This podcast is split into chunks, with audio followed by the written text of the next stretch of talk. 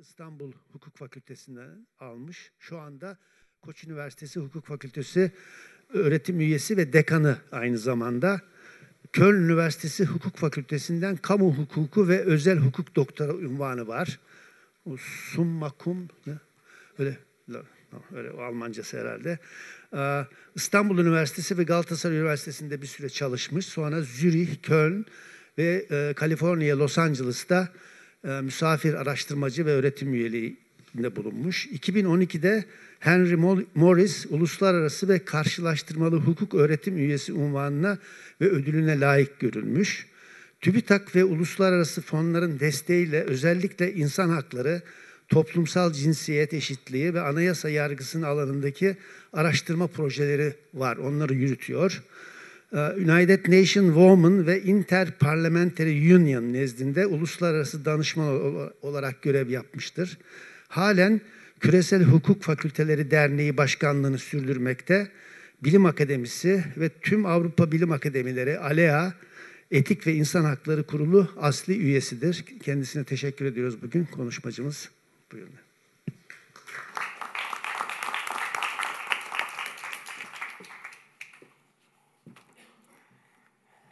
Değerli dinleyiciler, e, değerli Bilim Akademisi üyeleri, öncelikle Bilim Akademisi konferansları serisinde e, beni de konuk ettiğiniz için ve özellikle yakıcı anayasa hukuku ve siyaset bilimi sorunlarından biri olan popülizm ve yargı ilişkisi üzerine odaklanmayı tercih ettiğiniz için özellikle teşekkür ediyorum. E, bu sunum boyunca aslında hem karşılaştırmalı hem de kuramsal gözle Türkiye'deki sorunları da zaman zaman e, ele alarak dönemimizin en önemli hem siyasal hem de araştırma odaklı konusuna eğilmeyi planlıyorum. Bu konu özellikle popülizm ve yargı ilişkisi üzerinden anayasacılığı ve anayasal gerileme kavramını sorgulamaya e, çalışacak. Popülizm ve anayasal demokrasi arasındaki ilişkiye şöyle bir göz atmadan önce belki çok yakın zamanda yani aşağı yukarı e, bir hafta önce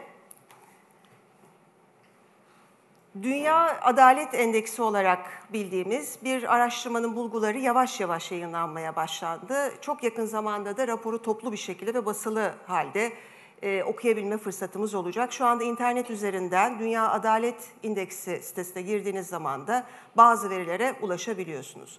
Bu verilerin bize söylediği en önemli bulgu aslında hem yerleşik demokrasilerde hem de kırılgan demokrasilerde ki bunların bir kısmı bizim karma anayasal modeller dediğimiz yarı anayasallaşmalar, e, bir kısmı da hiç kuşkusuz son derece pekişmiş otoriter anayasal düzenler. Bunların tümünde ama en çarpıcısı bu ilk iki gruptaki ciddi hukuk devleti e, gerileme olgusu. Bu gerileme e, olgusuna baktığımızda aslında bildiğimiz örüntüler tekrar mı ediyor? Yoksa bu örüntüler biçim değiştirerek ve birbirlerinden öğrenerek farklı bir nitelik mi kazanıyor? Özellikle ve özellikle yerleşik demokrasilerdeki anayasal gerilemenin bize öğrettiği ne olabilir? Ya da yerleşik demokrasiler aslında daha kırılgan yapılardan özellikle yarı anayasallaşma ya da karma anayasal modeller diyebileceğimiz içinde hem liberal unsurlar bulunduran kurumsal ve özgürlükler anlamında hem de aynı zamanda bunları yaşama geçirmede ciddi güçlükler yaşayan demokrasilerden mi öğreniyor gibi e, soruları zorunlu kıldı.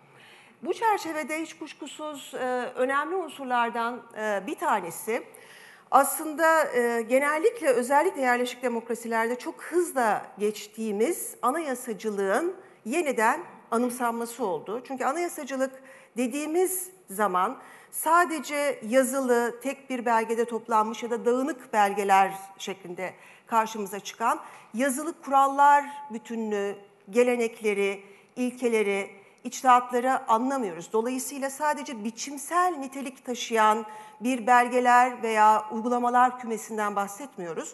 Bunlara özel bir anlam da yüklüyoruz. O yüklediğimiz özel anlamda siyasal iktidarın sınırlanması.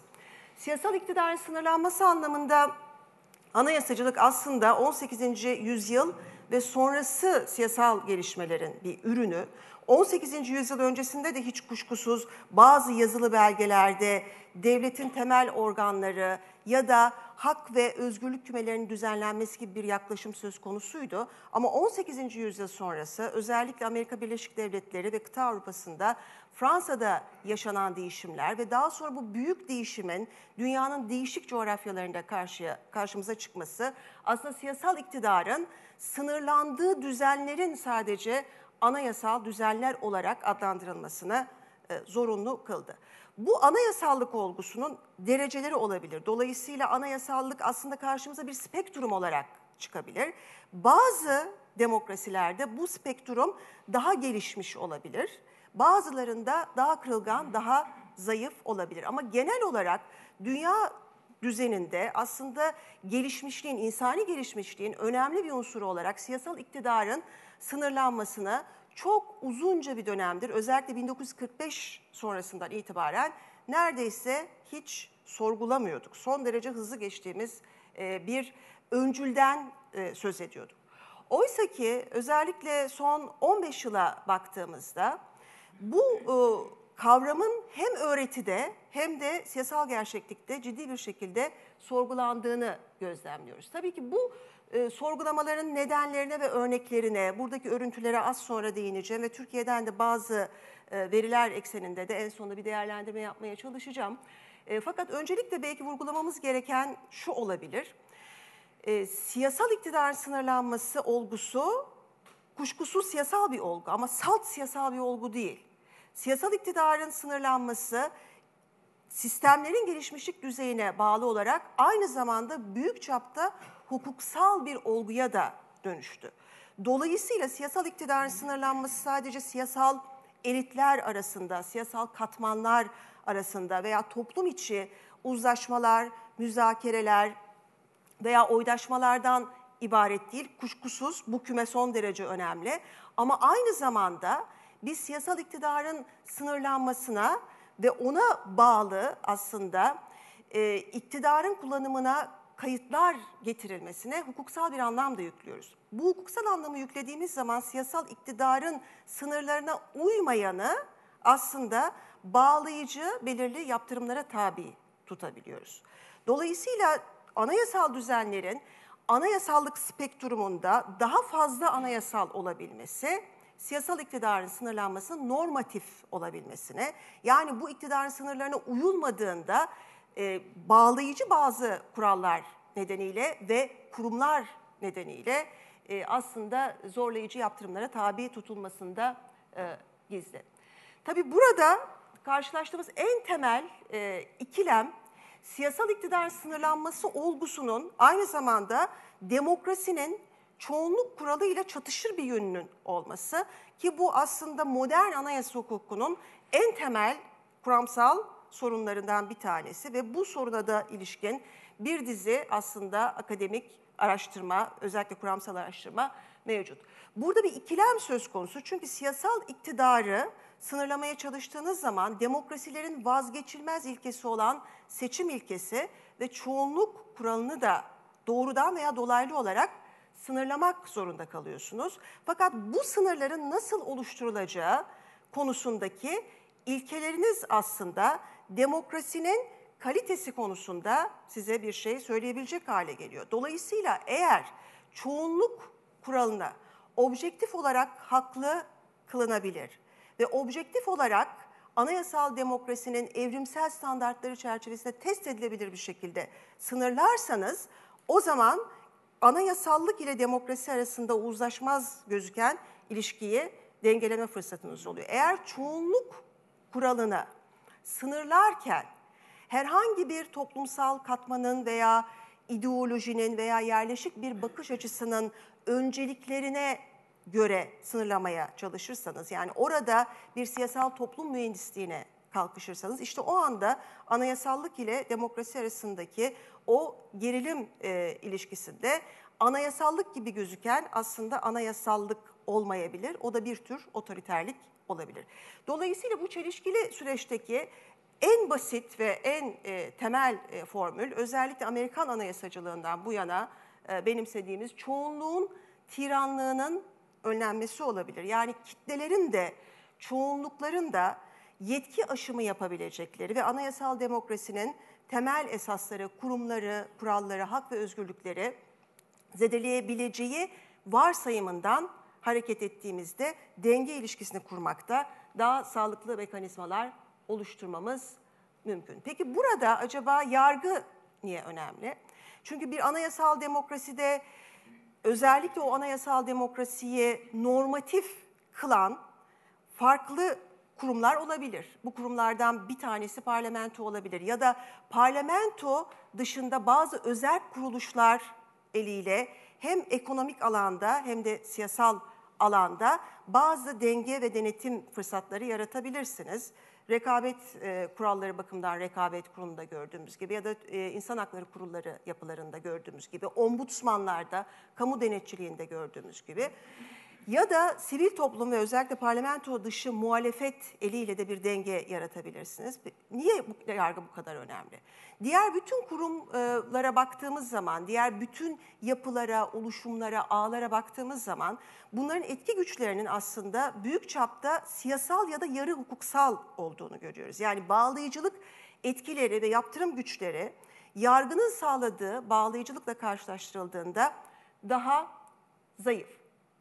O yüzden de genel olarak bütün anayasal demokrasilerde ya da yarı anayasal demokrasilerde yargı aslında anayasal demokrasinin sınırlarını oluşturmakta en etkili deneysel araç olarak karşımıza çıkıyor. Tabii ki burada yargının kendi içindeki dönüşümü de son derece önemli. Çünkü 18. yüzyıldan bu yana yargının gelişimine baktığımız zaman ve bunu karşılaştırmalı ve kuramsal bir cepheden değerlendirmeye çalıştığımızda yargı 18.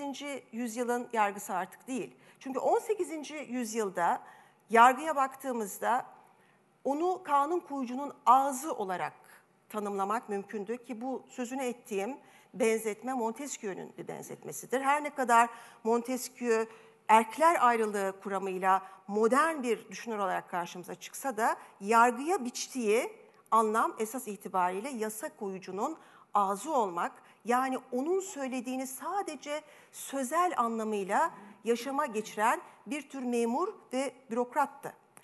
Oysa ki bugünkü yargı anlayışına baktığımızda yargı artık sadece yasa koyucunun Montesquieu'nun söylediği gibi emrinde, onun ağzı olan bir organ olmaya başladığında temel sorunlar ve temel çelişkiler de başlıyor. Yine 18.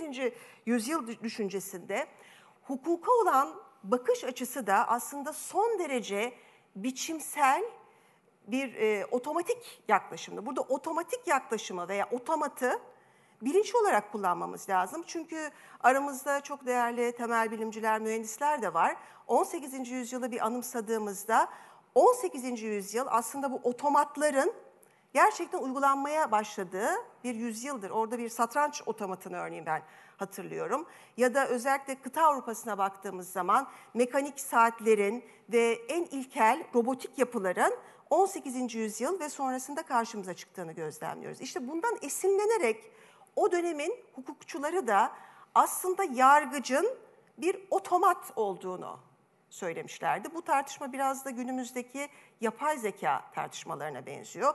Yargıç öyle bir otomattır ki yasa koyucunun kendisine verdiği kullanma kılavuzunu, direktiflerini ki onu da ancak kanunda öngörebilirdik, uygulamakla yükümlüdür. Talimatları yerine getiren aslında bir tür icra organı gibidir. Ama bugün yargıya bu yaklaşımla ve bu anlayışla baktığımızda ve bu anlayışı bir perde gibi kullanıp aslında yargıyı araçsallaştırdığımızda ya da silahlaştırdığımızda varacağımız sonuç hiç de 18. yüzyılın ilerlemeci yaklaşımına uygun olmayacaktır. Şimdi bu noktadan itibaren e, acaba e, yerleşik demokrasilerle karma anayasal düzenler bakımından karşımıza çıkan sorunları anayasal demokrasiye ilişkin deneysel birikimlerde, kuramsal birikimler ışığında nasıl yorumlayabiliriz? Ve bugün içinden geçtiğimiz süreçte bu büyük e, siyasal ve toplumsal soruna bir çözüm üretebilir miyiz? Bu soruları yanıtlamaya çalışacağım. Bu sorular son derece zor sorular. Dolayısıyla belirli örnekler üzerinden ve o örneklerin başarıları, başarısızlıkları ve ileriye dönük e, başarı olanakları e, bakımından bir değerlendirme yapmaya çalışacağım. Öncelikle yerleşik anayasal demokrasilerin kırılganlıklarının artması yeni bir olgu değil. Aslında çok uzunca bir dönemdir ekonomik durgunluktan ötürü ya da e, kurumlara duyulan güvensizlikten ötürü, yolsuzluklardan ötürü ya da göç veya mülteci sorundan ötürü bu kırılganlıkların varlığını biliyoruz. Bunları çok aslında uzunca bir zamandan beri gözlemliyoruz. Fakat bunların yığılmacı bir şekilde karşımıza çıkması ve bu yığılmacı sorunlar bütününden özellikle sağ popülist siyasetin bu kadar güçlü bir şekilde dünyaya e, kendini hissettirmesi yeni bir olgu. Sorunlar eski ama bunun daha farklı bir siyasi dile ve oldukça amorf ve daha önce gördüklerimizin e, hiçbirine benzemeyen daha güçlü bir popülizme dönüşmesi tamamen yeni bir olgu. Karma anayasal düzenler veya yarı anayasallaşmalar dediğimiz ki Türkiye'de bu örneklerden e, bir tanesi. E, burada da zaten yerleşik sorunların çok uzun yıllardır farkındayız ve bu kültürlerden, bu anayasal kültürlerden gelen kişiler zaten gündelik olarak e, bunlarla karşı karşıya kalıyorlar. Fakat yarı anayasallaşmalar bakımından da yine bir farklılaşmayla karşı karşıya kalıyoruz. Bu farklılaşmanın da aslında üç tane temel bileşeni olduğunu söyleyebilmemiz mümkün. Bunlardan birincisi ilerlemeci ya da eleştirel gözüken söylemlerle büyük yapısal, hukuksal değişikliklerin yapılması. Bunu AB üyesi olan Macaristan, Polonya, Romanya, Bulgaristan gibi yarı anayasallaşmalarda özellikle 2010 sonrası Türkiye'de ve dünyanın başka ölçeklerinde görmemiz mümkün. Bunların bir kısmına Afrika'da girebilir ki oradan da bir örneği özellikle Kenya ve Liberya'dan iki tane örneği sizlerle paylaşacağım. Latin Amerika bakımından da benzer yaklaşımların bulunduğunu, benzer trendin ortaya çıktığını gözlemlememiz mümkün. Burada ayırt edici olan yapısal, hukuksal değişiklikler yapılması değil, bunların son derece ilerlemeci ve yapısal sorunlara çözüm üreten eleştirel bir gözle yapılmasına rağmen doğurdukları sonuçların yani yarattıkları siyasal ve hukuksal gerçekliğin tamamen farklı olması. İkinci olgu anayasal ele geçirme olgusu dediğimiz bir olgu ki burada yetkinin el değiştirememesi gibi bir durumla artık karşıya, karşı karşıya kalıyoruz. Burada sıradan bir siyasal iktidarın seçimle el değiştirmesi kuralına aykırılık durumu yok. Bu daha sıradan bir olgu olarak görülebilir ve genellikle otoriter ve totaliter yönetimlerde gözlemlediğimiz bir durum. Fakat burada gözlemlediğimizde bir farklılık var. Aslında yapısal, hukuksal değişiklikleri de arkasına alarak kurumların kolonileşmesi şeklinde tanımlayacağımız, sadece siyasal iktidarda yürütmenin veya yasamanın sürekli olarak ve hegemonik olarak tek bir partinin elinde olmasının ötesine geçen bir durum söz konusu. İkincisi, kurumların partizanlaşmasından da daha güçlü ve daha kemikleşmiş ve daha zorlu bir durumla karşılaşıyoruz. Çünkü özellikle ve özellikle daha önce çok daha az gözlemlediğimiz şekliyle yargının üst kuruluşları yani yargıçların ve savcıların atanmalarında, yetiştirilmelerinde, denetimlerinde egemen olan üst kurullar ve özellikle yüksek mahkemelerde belirli bir biçimde karar verme pratiğinin beklendiği yargıç savcı kitlesinin oluşturulması. Yani yeni bir kanun koyucunun ağzı fenomeninin karşımıza çıkması. Üçüncüsü ise özgürlük alanındaki çok ciddi gerileme. Yerleşik olarak zaten yarı anayasal demokrasilerde özgürlük alanı çok ciddi bir sorun.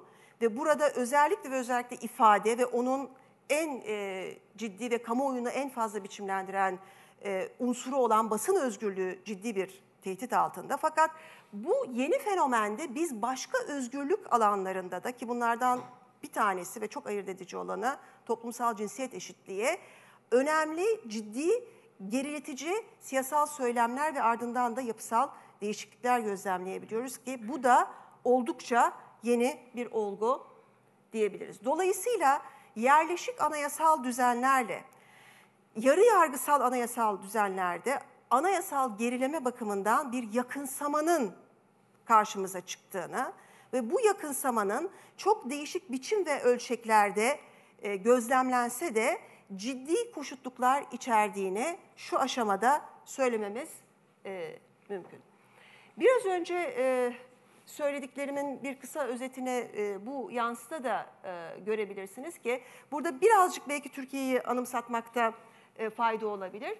Şöyle ki özellikle Türkiye açısından 2010 anayasa değişikliklerine doğru bir geriye e, gidiş, oradaki siyasal tartışmaları anımsamaya çalıştığımızda hem öğretide hem siyasal tartışmalarda aslında iki tane gruba ayrılabilecek e, görüşün ileri sürüldüğünü gördük. Bir e, grup görüş dedi ki Türkiye'nin yapısal sorunlarına ve özellikle yargının siyasetin bir aracı olarak kullanılması, aktivist yargı, militan yargı, ideolojik hale dönüşmüş yargı olgusuna karşı en iyi yanıt büyük bir anayasal reformla ve ardından gelecek büyük bir kanun reformuyla verilebilir. Dolayısıyla yargının üst kurulu olan Hakimler ve Savcılar Yüksek Kurulu o zamanki adıyla Anayasa Mahkemesi, anayasa değişiklikleriyle ardından da diğer bütün yüksek mahkemeler özellikle Yargıtay ve Danıştay'da kanun değişiklikleriyle büyük reformlar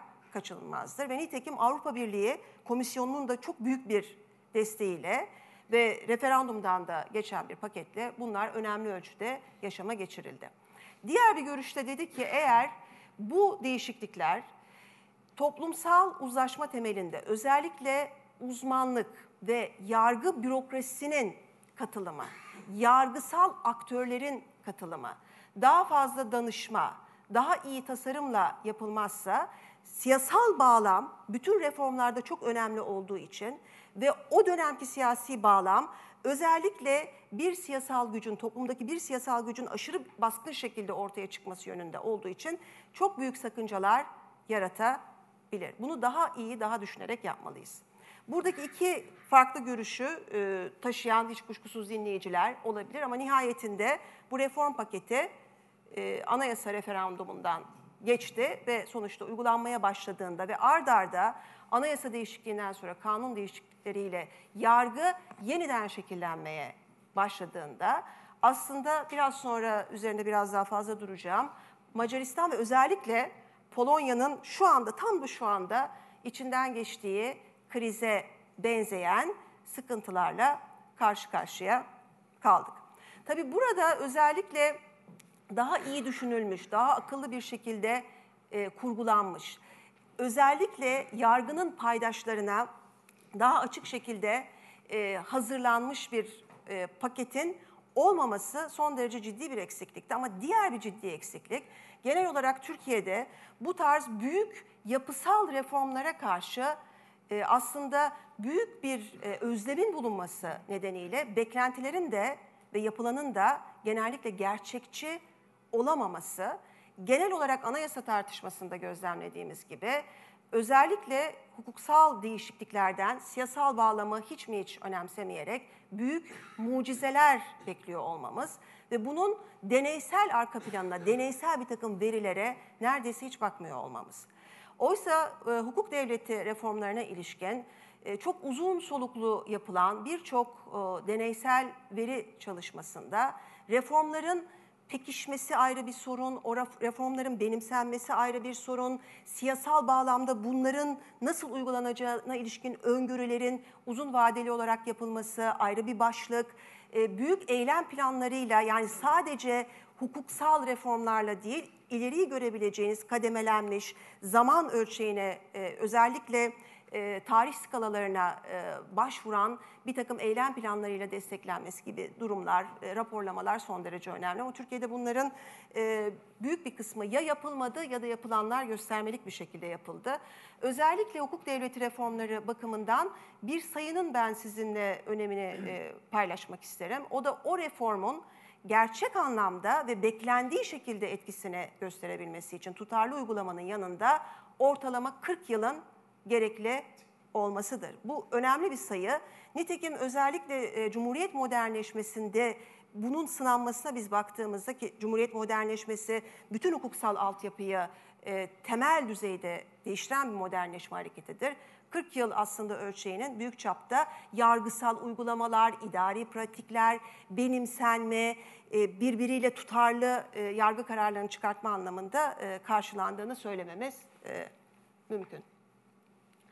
Tabii burada e, hem e, Türkiye özelinde hem de e, yerleşik demokrasilerin ve özellikle yarı anayasallaşmaların hemen hepsinde karşılaştığımız en önemli ve en fazla belki üzerinde durulması gereken olgu çok ciddi bir kanunlaşmanın bulunması olduğu kadar çok ciddi bir istisnacılığın bulunması.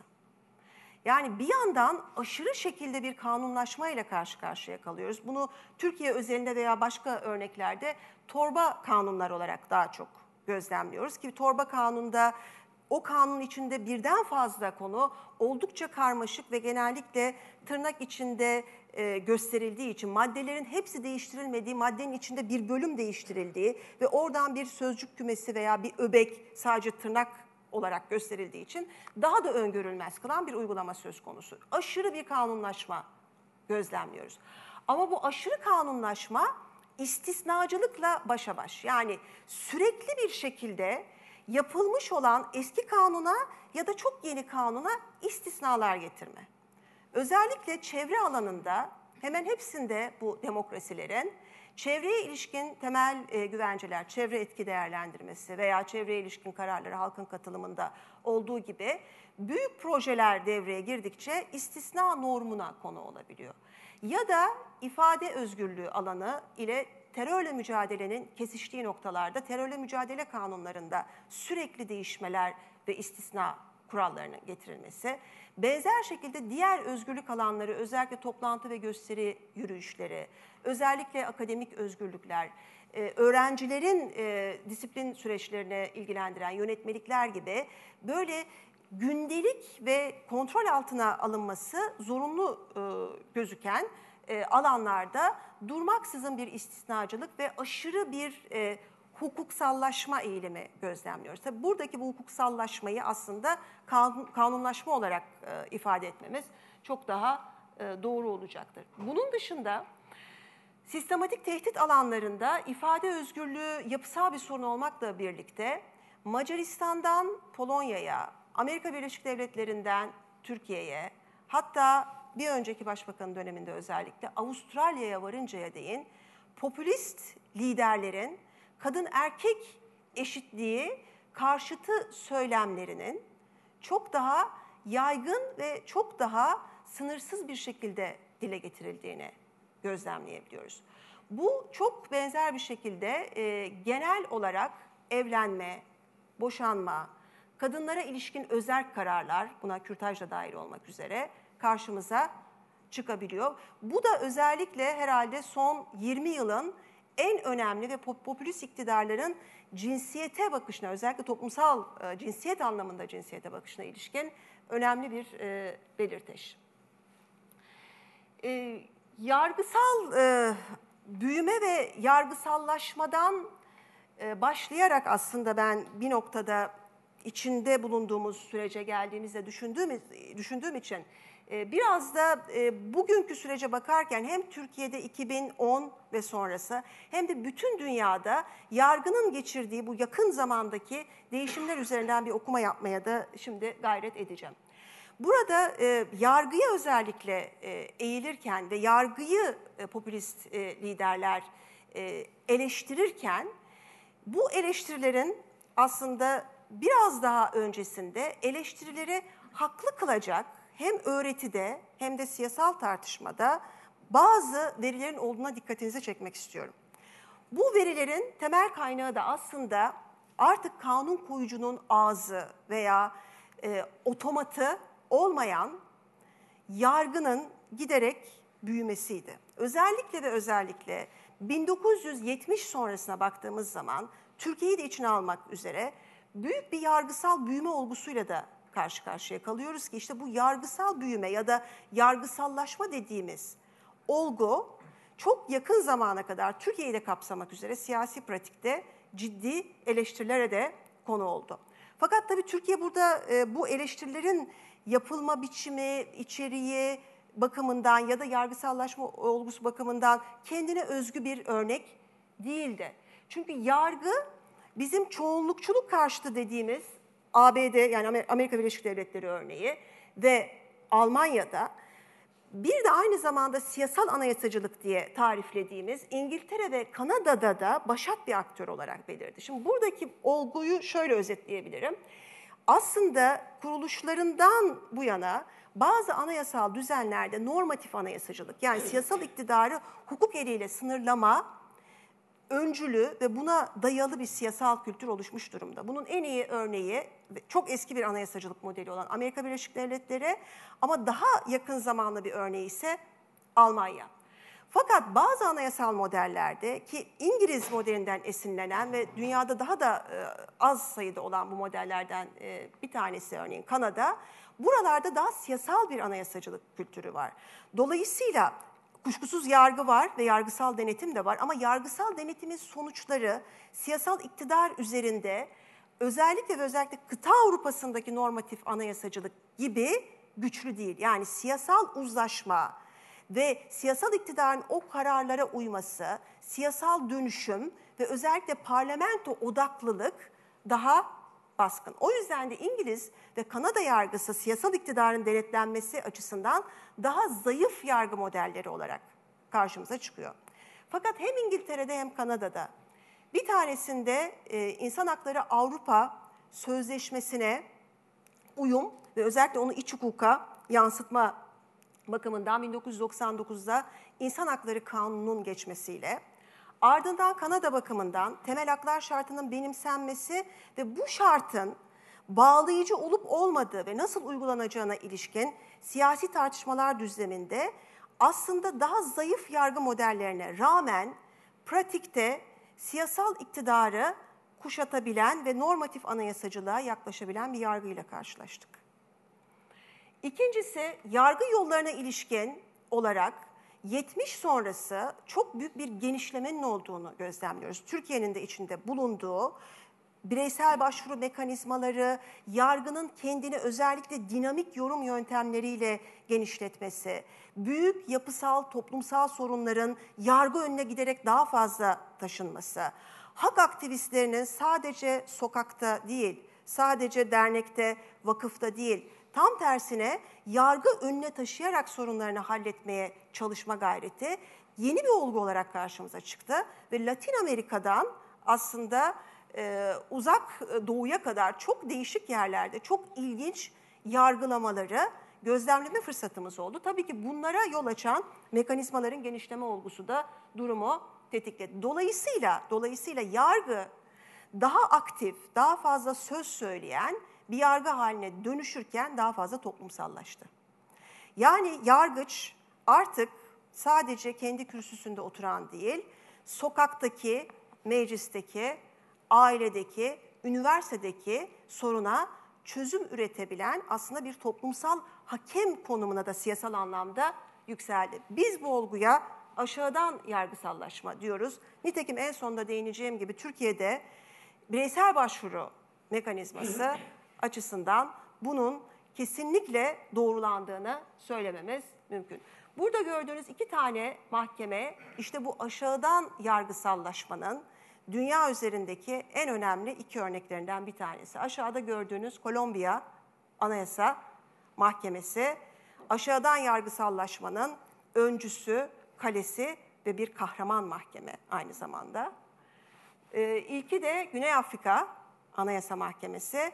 İkinci bir kahraman mahkeme ile karşı karşıyayız. Her iki mahkemede son derece aktivist ve aslında dünyada anayasacılığın son 20 yılına aşağı yukarı baktığımızda öğretide en fazla adı geçen ve hatta ve hatta insan hakları bölgesel mahkemelerine ya da Birleşmiş Milletler düzeyindeki yarı yargısal komiteler dediğimiz komitelerin kararlarını etkileyecek düzeyde öğretiyi takip eden ve insan haklarının sorununu sahiplenen çok dinamik, çok yaratıcı, çok ilerlemeci mahkemeler. Ötenaziden, ötenaziden e, HIV e, aşılarına veya ilaçlarına uzanıncaya kadar konut e, yardımlarının e, denetlenmesinden e, aynı cinsiyetten iki kişinin evlenmesine varıncaya kadar çok değişik alanlarda öncü kararlara e, aslında imzasını atmış olan iki tane e, mahkeme. İşte bu gibi mahkemeler özellikle yargı yollarının genişlemesi yoluyla karşımıza dönüştürücü, öncü ve gerçekten kahraman mahkemeler olarak çıktı. Resimlerini koyamadığım iki mahkeme daha burada anılabilir. Bir tanesi Costa Rica, bir diğeri de Brezilya Anayasa Mahkemeleri. Bunları da kahraman mahkemeler sınıfında anabiliriz.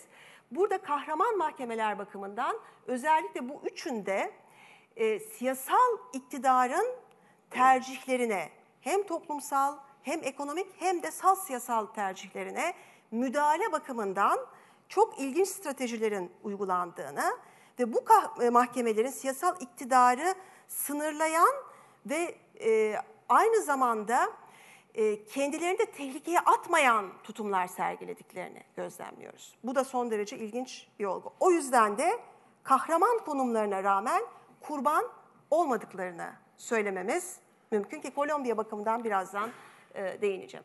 Tabii bu mahkemelerdeki böyle büyük e, deniş, de, değişimin ve dönüşümün başka bir e, aslında e, iletişim biçimine de yol açtığını söylemek mümkün. Bu mahkemeler kendi aralarında konuşan mahkemeleri de dönüştüler.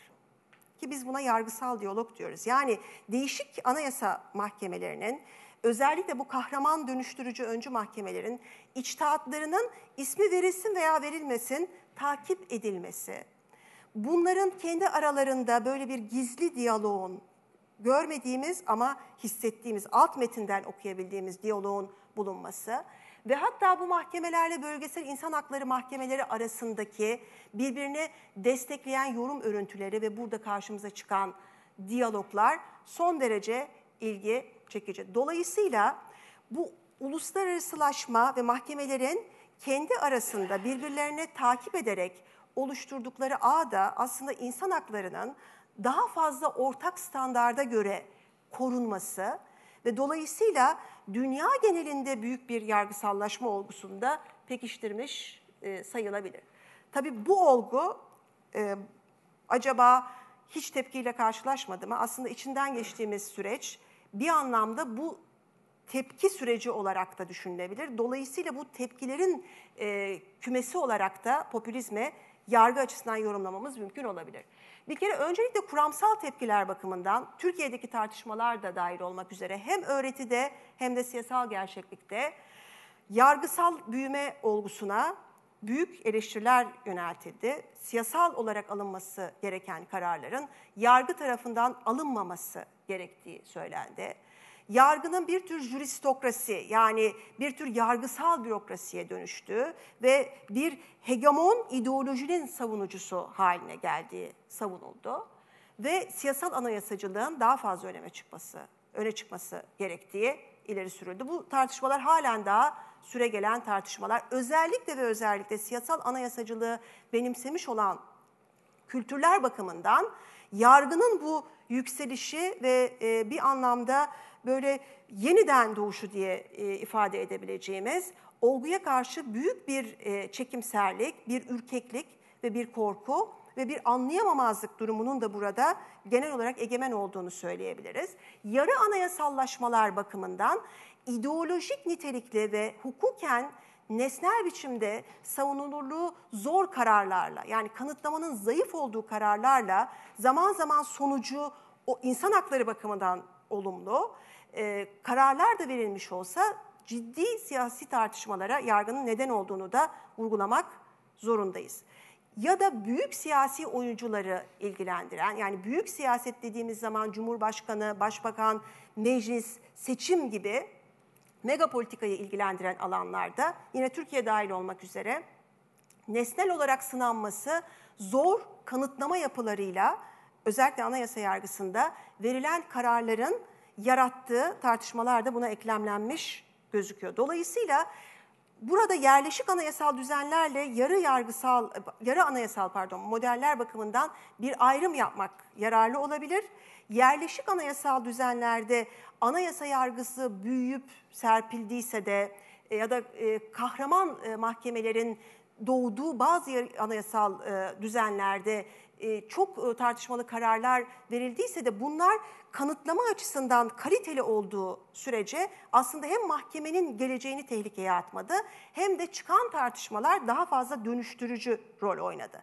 Fakat yarı yargısallaşma e, diye belki tarifleyeceğimiz yarı anayasal modeller açısından da Türkiye'nin e, içinde bulunduğu bazı örneklerde kanıtlamanın zayıflığı, yetersizliği ve siyasal argümanların kararda daha fazla öne çıkması o mahkemenin geleceği açısından mahkemeyi özellikle daha riskli konuma da sokmuş gözüküyor. Peki burada bu tepkilere baktığımızda e, acaba yargısallaşma karşıtlığının nasıl belirdiğini gözlemliyoruz. Şimdi biraz o noktada örneklerle devam etmek istiyorum. Burada bir kere en önemli e, karşımıza çıkan e, araç yargı reformları. Yargı reformları ya tartışmalı paketlerle yargının yeniden yapılandırılması, yani yargının örgütlenmesi, kompozisyonuna ilişkin büyük değişiklikler yoluyla e, gözlemlenebilir. Ya da e, bu kompozisyonlarda çok esaslı dokunmalar yapmaksızın, yani var olan yargıçları emekliye göndermeksizin e, veya o mahkemeleri lağvetmeksizin daha akıllı modellerle ilerlemek olabilir. Bu akıllıyı ironik bir anlamda kullanıyorum çünkü sonuçları pek de akılcı olmamıştır.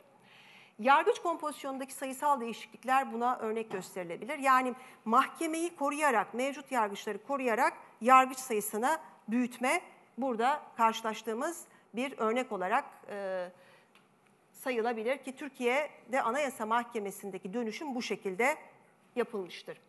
Atama usullerine müdahaleler bir başka e, aslında karşımıza çıkan e, olgu ki şu anda örneğin Polonya bakımından özellikle karşılaştığımız e, oldukça e, az akıllı şekilde e, tasarlandığını düşünebileceğimiz müdahaleci bir yaklaşım. Altyapısal iyileştirmeleri de burada gözlemliyoruz. Yani bu paketlerde e, klasik e, özgürlük karşıtı veya yargı karşıtı bir takım stratejilerin dışında stratejilerin uygulandığını gözlemliyoruz. Yani paketlerin tümünde aslında müdahaleler, tartışmalı müdahaleler yapılırken mutlaka tatlı, güzel, toplumu mutlu edecek ve o paketin savunulurluğunu e, yükseltecek önerilerin de yer aldığını gözlemliyoruz. Nitekim 2010 anayasa değişikliğinde yargıya ilişkin o büyük tartışmalar yapılırken bireysel başvuru, Anayasa Mahkemesi'ne bireysel başvuruda paketin içinde yer almıştı. Yani dolayısıyla paketlerin bir ölçüde aslında siyasal olarak şekillendirme aracı olmasını veya o tartışmayı engelleyecek unsurlar içerdiğini gözlemliyoruz ki bu tamamen yeni bir olgu olarak karşımıza çıkıyor.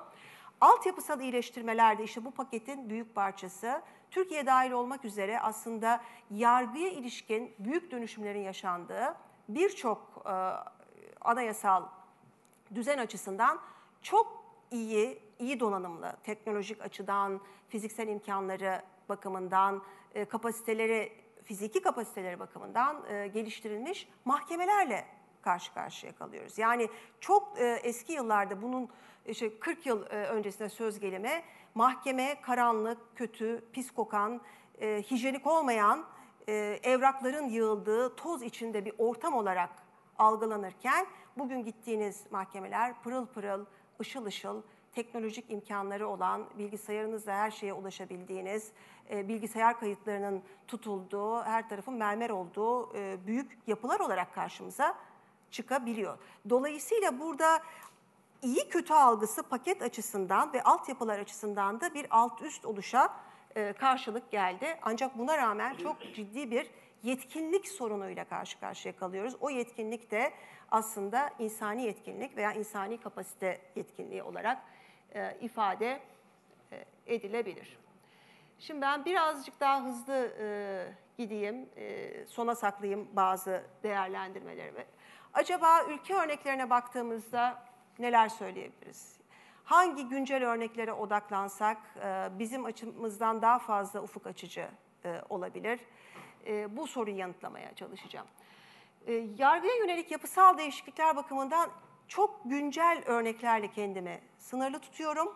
Bu güncel örneklerin önemi ve ağırlığı fazla ve örnekler son derece yeni olduğu için özellikle Polonya bakımından neredeyse bu örnekler son 5 aya yığıldığı için ve çok dikkatle izlememiz gereken bir süreç olduğu için onu biraz daha ağırlıklı olarak sizlerle paylaşmayı e, arzu ediyorum. Burada e, Macaristan ve Polonya'yı e, sadece siyasal anlamda çok fazla öne çıktığı için e, önemsememeliyiz. Aynı zamanda şu nedenle çok fazla önemsemeliyiz. Her ikisi de Avrupa Birliği üyesi ve Avrupa Birliği içinde aslında hukuk devleti gerilemesine verilecek olan siyasal ve hukuksal yanıt, çözüm üretme kapasitesini anlayabilmek ve sorgulayabilmek için de bu iki örneğe çok dikkatli bir şekilde bakmamız gerekiyor.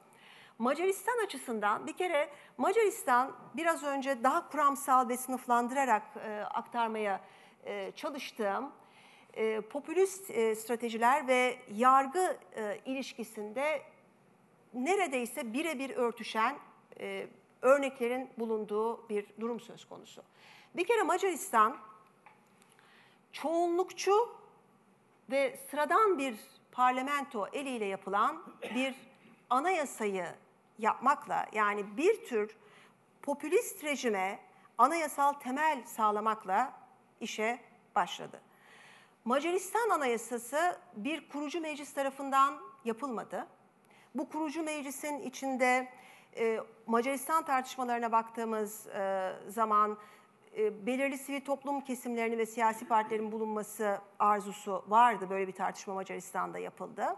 Ama Macaristan tam tersine sıradan seçimle iş başına gelmiş olan, dolayısıyla e, bütün toplumsal katmanları sadece seçimle ifade ettiğini e, savunan bir sıradan parlamento eliyle anayasasını yaptı. Ama anayasa hem yapılış süreci bakımından hem de anayasanın kendisi bakımından büyük tartışmalara neden oldu. Çünkü bu anayasanın genel olarak önce sağ milliyetçi, sonra sağ popülist olarak eleştirildiğini gözlemledik.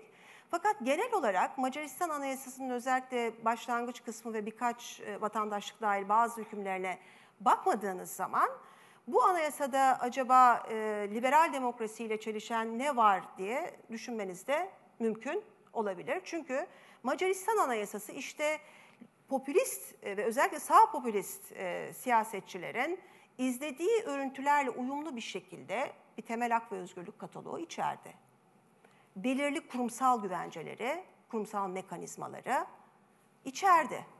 Dolayısıyla belirli bazı hükümlere bakmadığınızda genel olarak Macaristan Anayasası hiç kuşkusuz özgürlükçü bir e, demokrasinin ana unsurlarını yansıtıyor da diyebilirsiniz. Ama tabii ki bu da Macaristan'ın en büyük çelişkilerinden bir tanesi oldu. Çünkü burada özellikle Anayasa Mahkemesi'ne yönelik çok ciddi düzenlemeler yapıldı. Daha sonra Anayasa Mahkemesi kanunu da değiştirilerek Anayasa Mahkemesi'nin hem yapısı bakımından hem yargı yolları bakımından e, biçimsel bazı güvenceler korundu ama bunların içeriklerinde belirli daraltılmalara gidildi.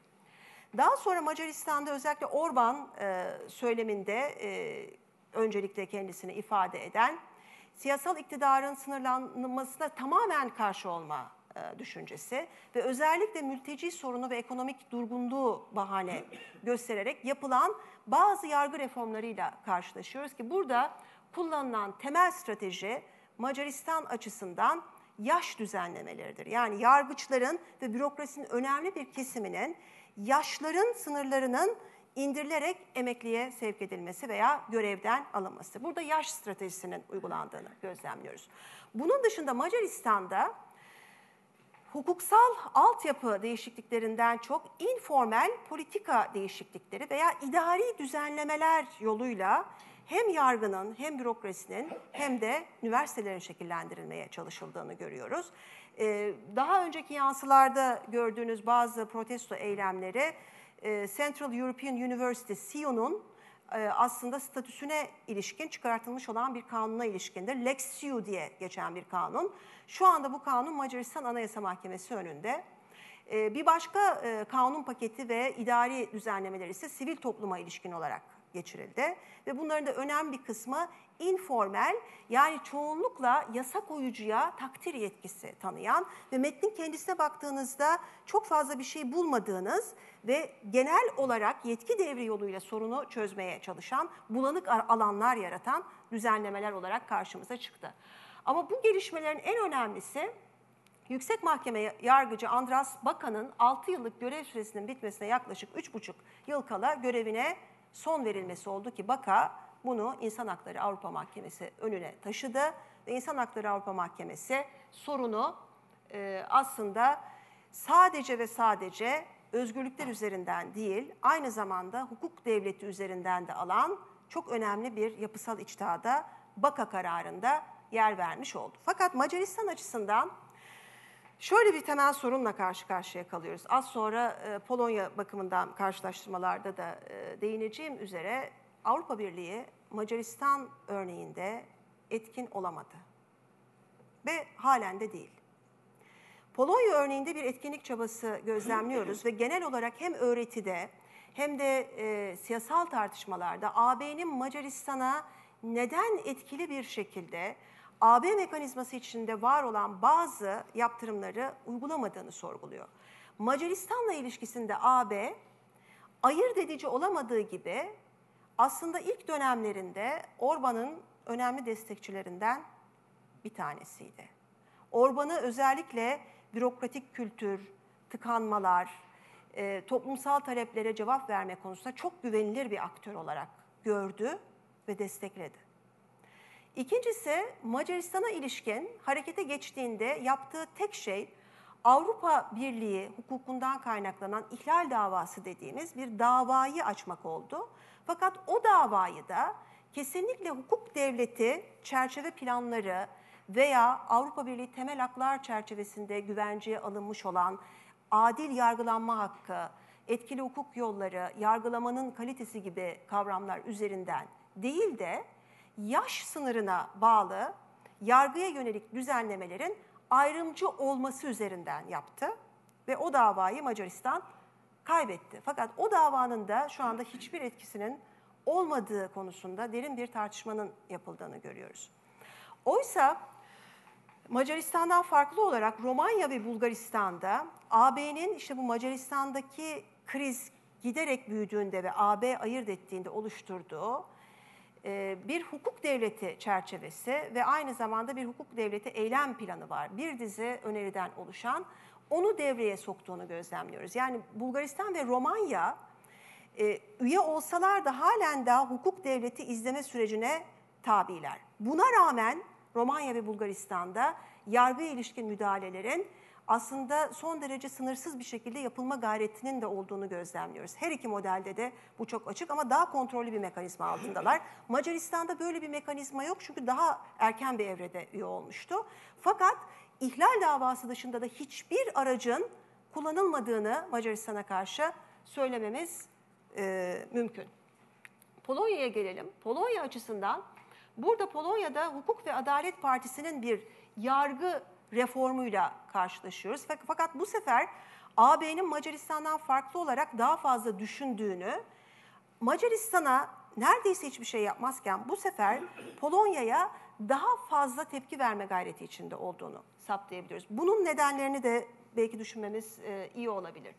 Burada e, Hukuk ve Adalet e, Partisi yargısal atamaları yöneten e, bir yargı üst kurulu yani Ulusal Yargı Konseyi'nin ve yüksek mahkemelerin atamalarını tamamen parlamentonun kontrolüne devretti ve bunu yargıyı demokratikleştirdiği, bürokratik yargıyla mücadele ettiği ve hatta eski komünist geleneğin artıklarının halen daha yargıda bulunduğu gerekçesiyle yaptı.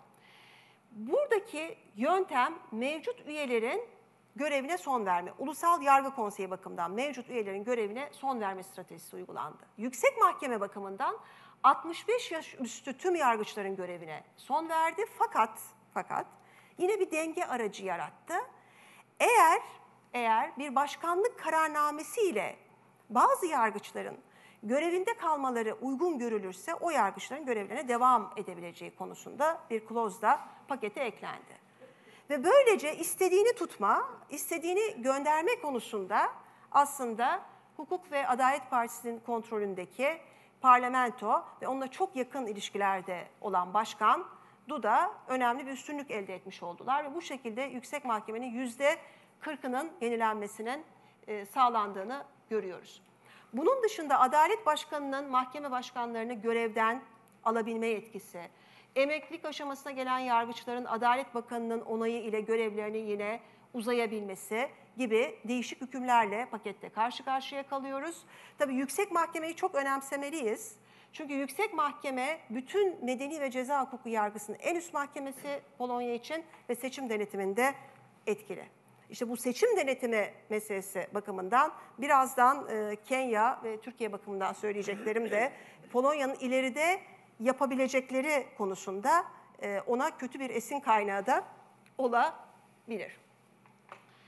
Burada popülist e, araçlar bakımından belki en önemlisi yani kamuoyunu memnun edecek bu kadar büyük bir paketin kolaylıkla benimsenmesini sağlayacak olan Polonya Anayasası'nın yürürlüğe girdiği 1997 yılından bu yana görülmüş olan tüm davaların yeniden açılabilme olanağının tanınmasıydı. Yani bu şekilde özellikle e, hukuk eliyle aslında cezalandırıldığını düşünen ve yargıya tepki duyan kesimlere de olumlu bir mesaj verilmiş oldu.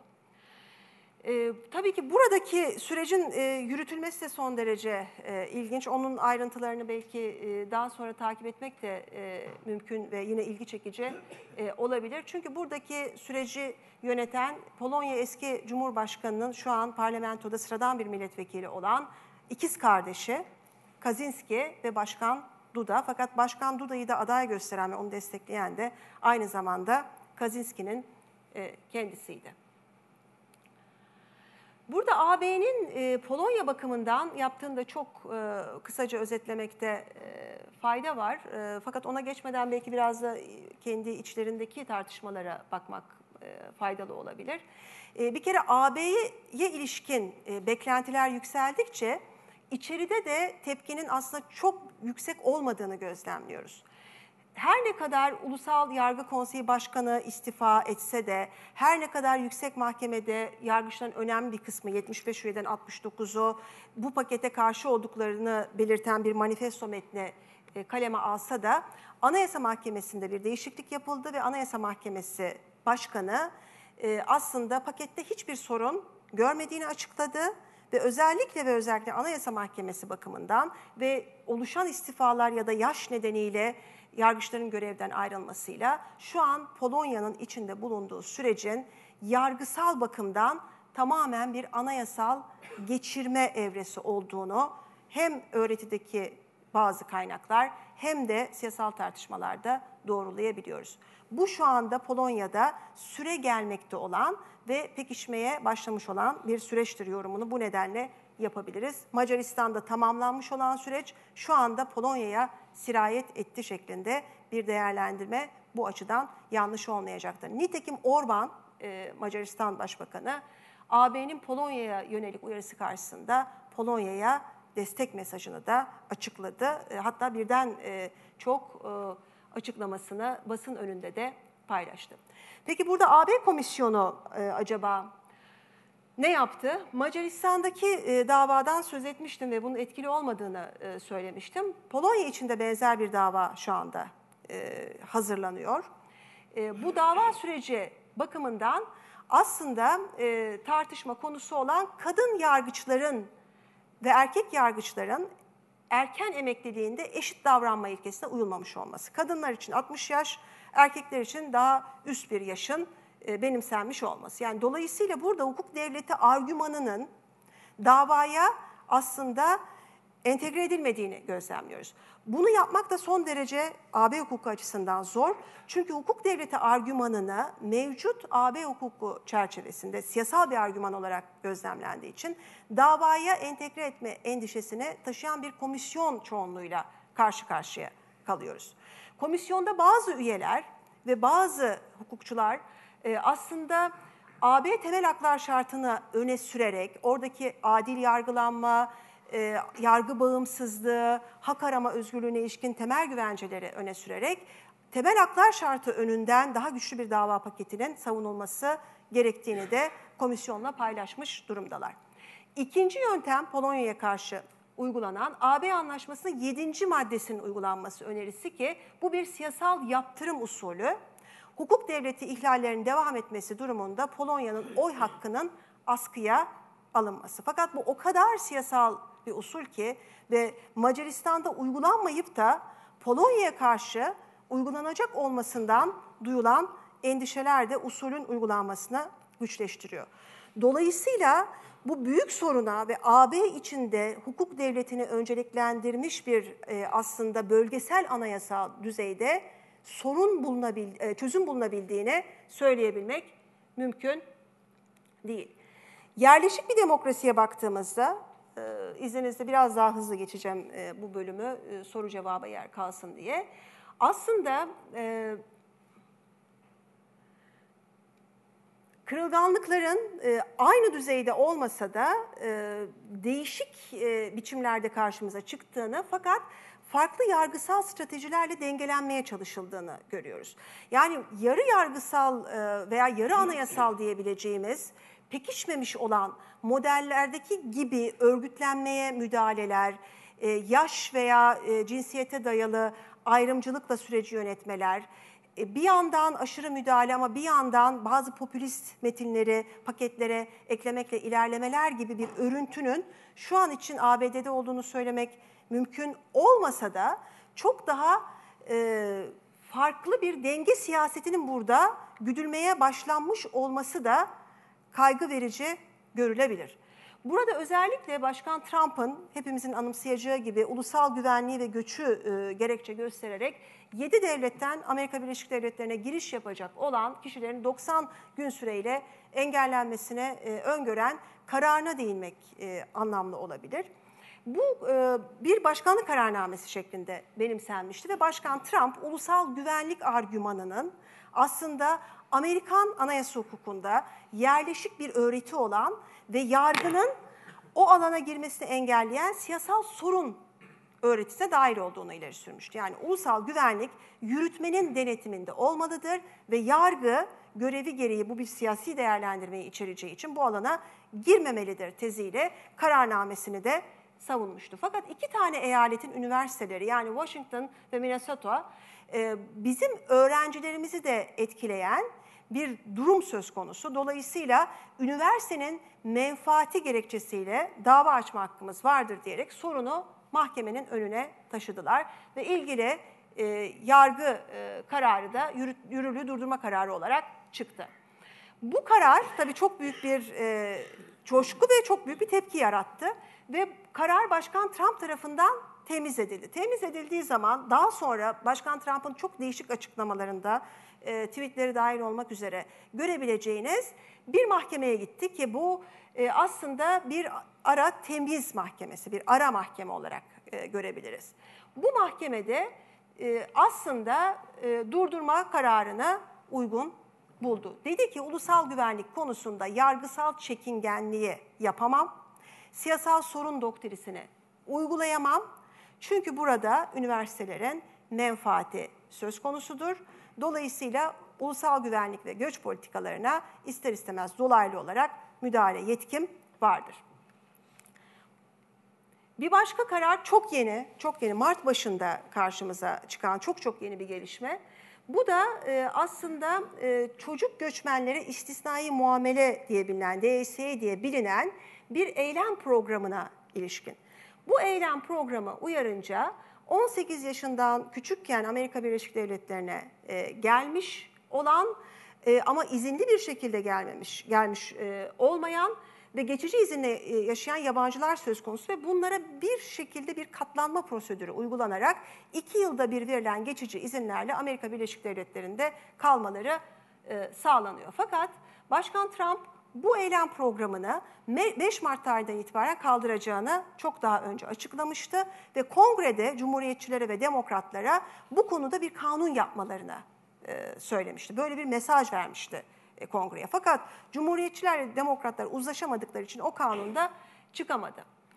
Burada San Francisco yerel yargısı bu kararnameyi durdurdu. Yani Başkan Trump'ın 5 Mart'tan itibaren bu programın kaldırılacağını benimseyen kararnamesini durdurdu ve Başkan Trump bu durumu daha önce ara temiz mahkemesinden çok çektiğini belirterek ve onu eleştirerek doğrudan yüksek mahkemeye götürdü. Ancak yüksek mahkeme burada oldukça biçimsel yani usulü bir değerlendirme yaptı ve olayın esasına girmedi. Dolayısıyla Başkan Trump'ın siyasetini ne ulusal güvenlik ne göç açısından sorguladı. Sadece ve sadece öncelikle bölgesel temiz mahkemesine başvurulması gerektiğini söyledi. Yüksek mahkemeden beklentiler çok büyüktü. Çok daha aktif olması, aslında Başkan Trump'a beklenen yanıtı vermesi ve onun siyasal iktidarını sınırlaması ve esas bakımdan özgürlükçü bir tutum takınması beklenirken Yüksek Mahkeme Trump'ın kararını onaylamadı ama aynı zamanda Trump'la da bir yüzleşmeye ve bir çatışmaya girmekten e, kaçındı.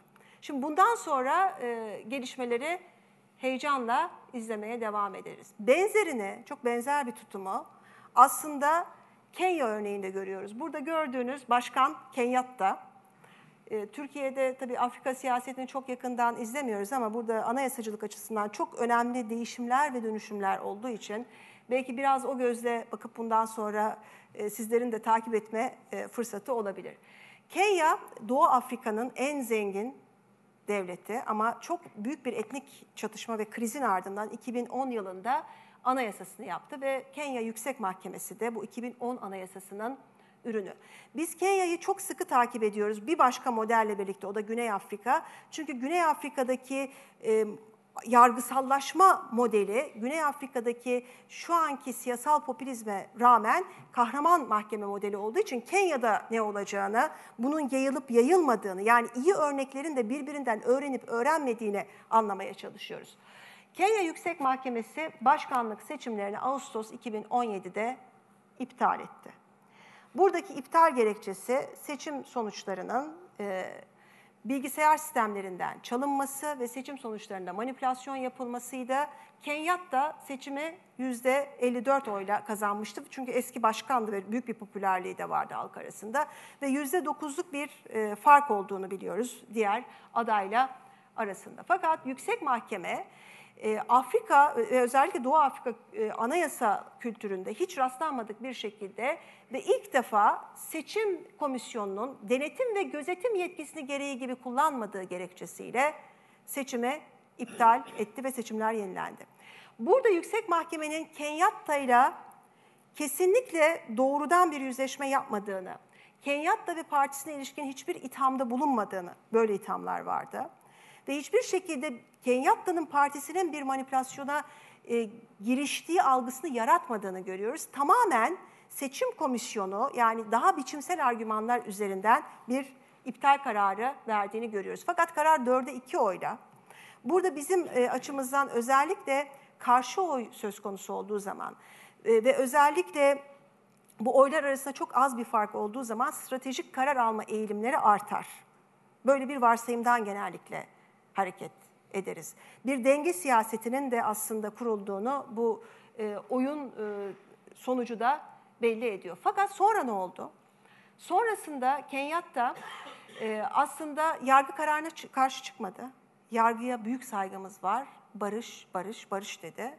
Fakat işte barış, barış, barış olmadı. Çünkü çok büyük ayaklanmaları gördük Kenya'da ve yaklaşık 3 ay içinde bu kararın verilmesinden itibaren 60 kişinin sokak eylemlerinde, gösteriler sırasında öldürüldüğünü görüyoruz ve hatta yüksek mahkeme başkan yardımcısının korumasının da öldürüldüğünü görüyoruz. İşte böyle bir siyasal şiddet e, ortamında e, seçimler yapıldı ve seçimlere bu sefer e, başka bir aday katılmadı. Sadece Kenyat da katıldı. E, katılacaktı aday, katılmadı. Böyle ta- tartışmalı bir durum söz konusu oldu. Fakat bu e, seçim de dava konusu oldu. Kenya Yüksek Mahkemesi'nin önüne gitti. Ancak bu e, yüzde 39'luk aşağı yukarı bir katılım oranı var bu seçimlere. Bu seçimlerin galibi e, Kenyatta'dır kararını vererek Yüksek Mahkeme seçimi sonuçlandırdı. Dolayısıyla tekrar bir denge siyasetini kurmaya çalıştığını ve Yüksek Mahkemenin kararından sonra barışçıl bir siyasi ortamın Kenya'da oluşturulamadığını ama mahkemenin kendisini aslında koruduğunu gözlemliyoruz bu vaka açısından. Kendisini tehlikeye atmayacak şekilde bir aktör olarak e, sürece dahil olabildiğini de gözlemliyoruz. O yüzden dikkatle tekrar izlemeye devam etmemiz gerekiyor. Bu örneğin Kenya örneğinin bütün bir e, özellikle Doğu Afrika e, açısından değeri var. Çünkü aynı dönemde Liberya Ana Yüksek Mahkemesi de bir- çok benzer bir karar verdi. Tabii Liberya'da Kenya'ya benzer özellikler taşıyan bir modern, e, modernlik, e, anayasal modernlik açısından. Burada başkanlık seçiminin ilk turunda bir yolsuzluk iddiası vardı. Dolayısıyla ikinci tura geçiş için sürecin durdurulması yönünde inceleme bitinceye kadar bir karar verdiğini gözlemleyebiliyoruz. Şimdi Türkiye bakımından neler e, söyleyebiliriz? Türkiye açısından genel olarak e, benim sizinle paylaşacağım gözlemlerin çok uzunca bir süredir e, yargı odaklı e, çalışmama dayanan gözlemler olacak. Bir kısmını da çok yakın zamanda bitirdiğimiz Anayasa Mahkemesi'ne bireysel başvuru konusundaki bir TÜBİTAK projesinin bulgularına dayanarak paylaşacağım ama e, tabii son derece sınırlı bir şekilde zamanımız az olduğu için bunları paylaşabiliyorum.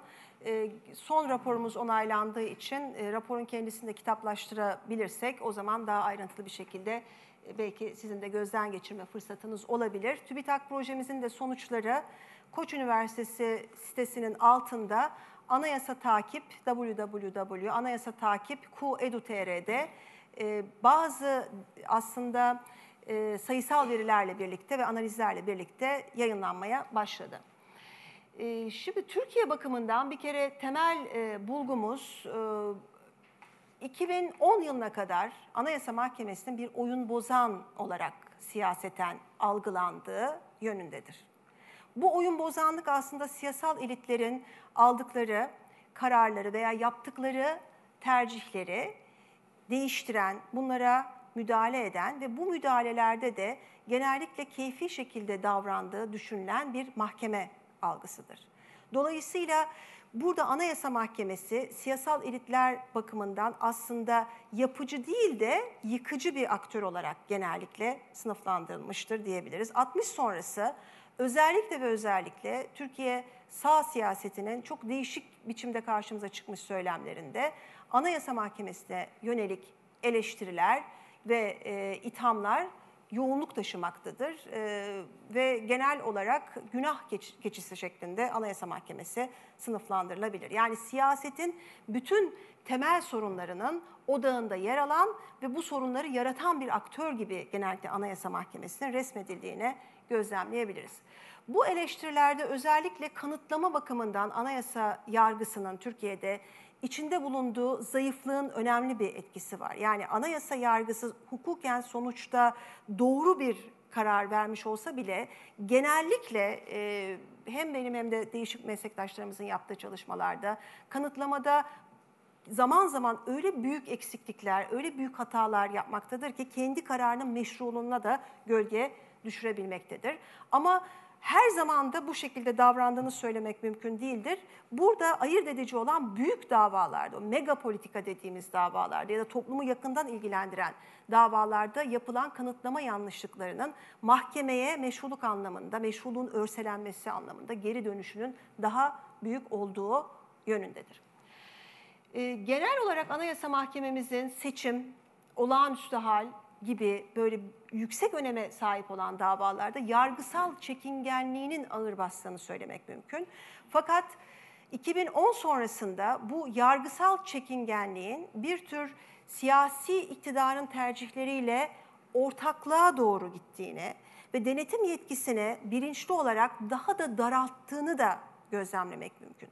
Bu daha da daraltma özellikle 2010 öncesi içtihadında yerleşik olarak gördüğümüz ve siyasal iktidarı sınırlayan örneklerle kendi yeni içtihadı arasında büyük çelişkiler ve boşluklar yarattı.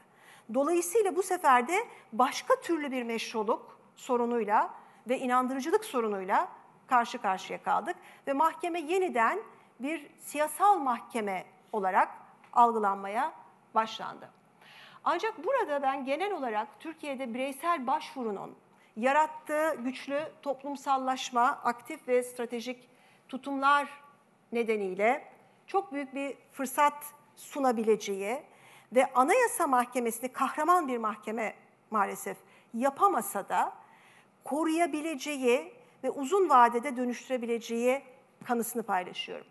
Bizim yaptığımız araştırmada Yeni verilerin bir kısmı yayınlandı ama tam doğrulayamadığım için aktaramadım ve maalesef e, şu anda İngilizce olarak size e, başlığı gösterebiliyorum. Toplam şu anda aslında davaların yani bireysel başvuruya ilişkin taleplerin artışını ve ihlal kararlarının artışını gözlemleyebiliyorsunuz. Buradaki trend yükselme eğiliminde bir trend ve yine yaptığımız total incelemelerde Almanya, ve Macaristan'la özellikle karşılaştırdığımız zaman bir tanesi çok yerleşik bir model, bir tanesi bize çok benzeyen bir model. İhlal oranlarının aslında ihlal kararı verme oranlarının önemli ölçüde yüksek olduğunu görüyoruz. Yüzde dört ile yüzde beş arasında bunun karşımıza genel olarak çıktığını gözlemleyebiliyoruz.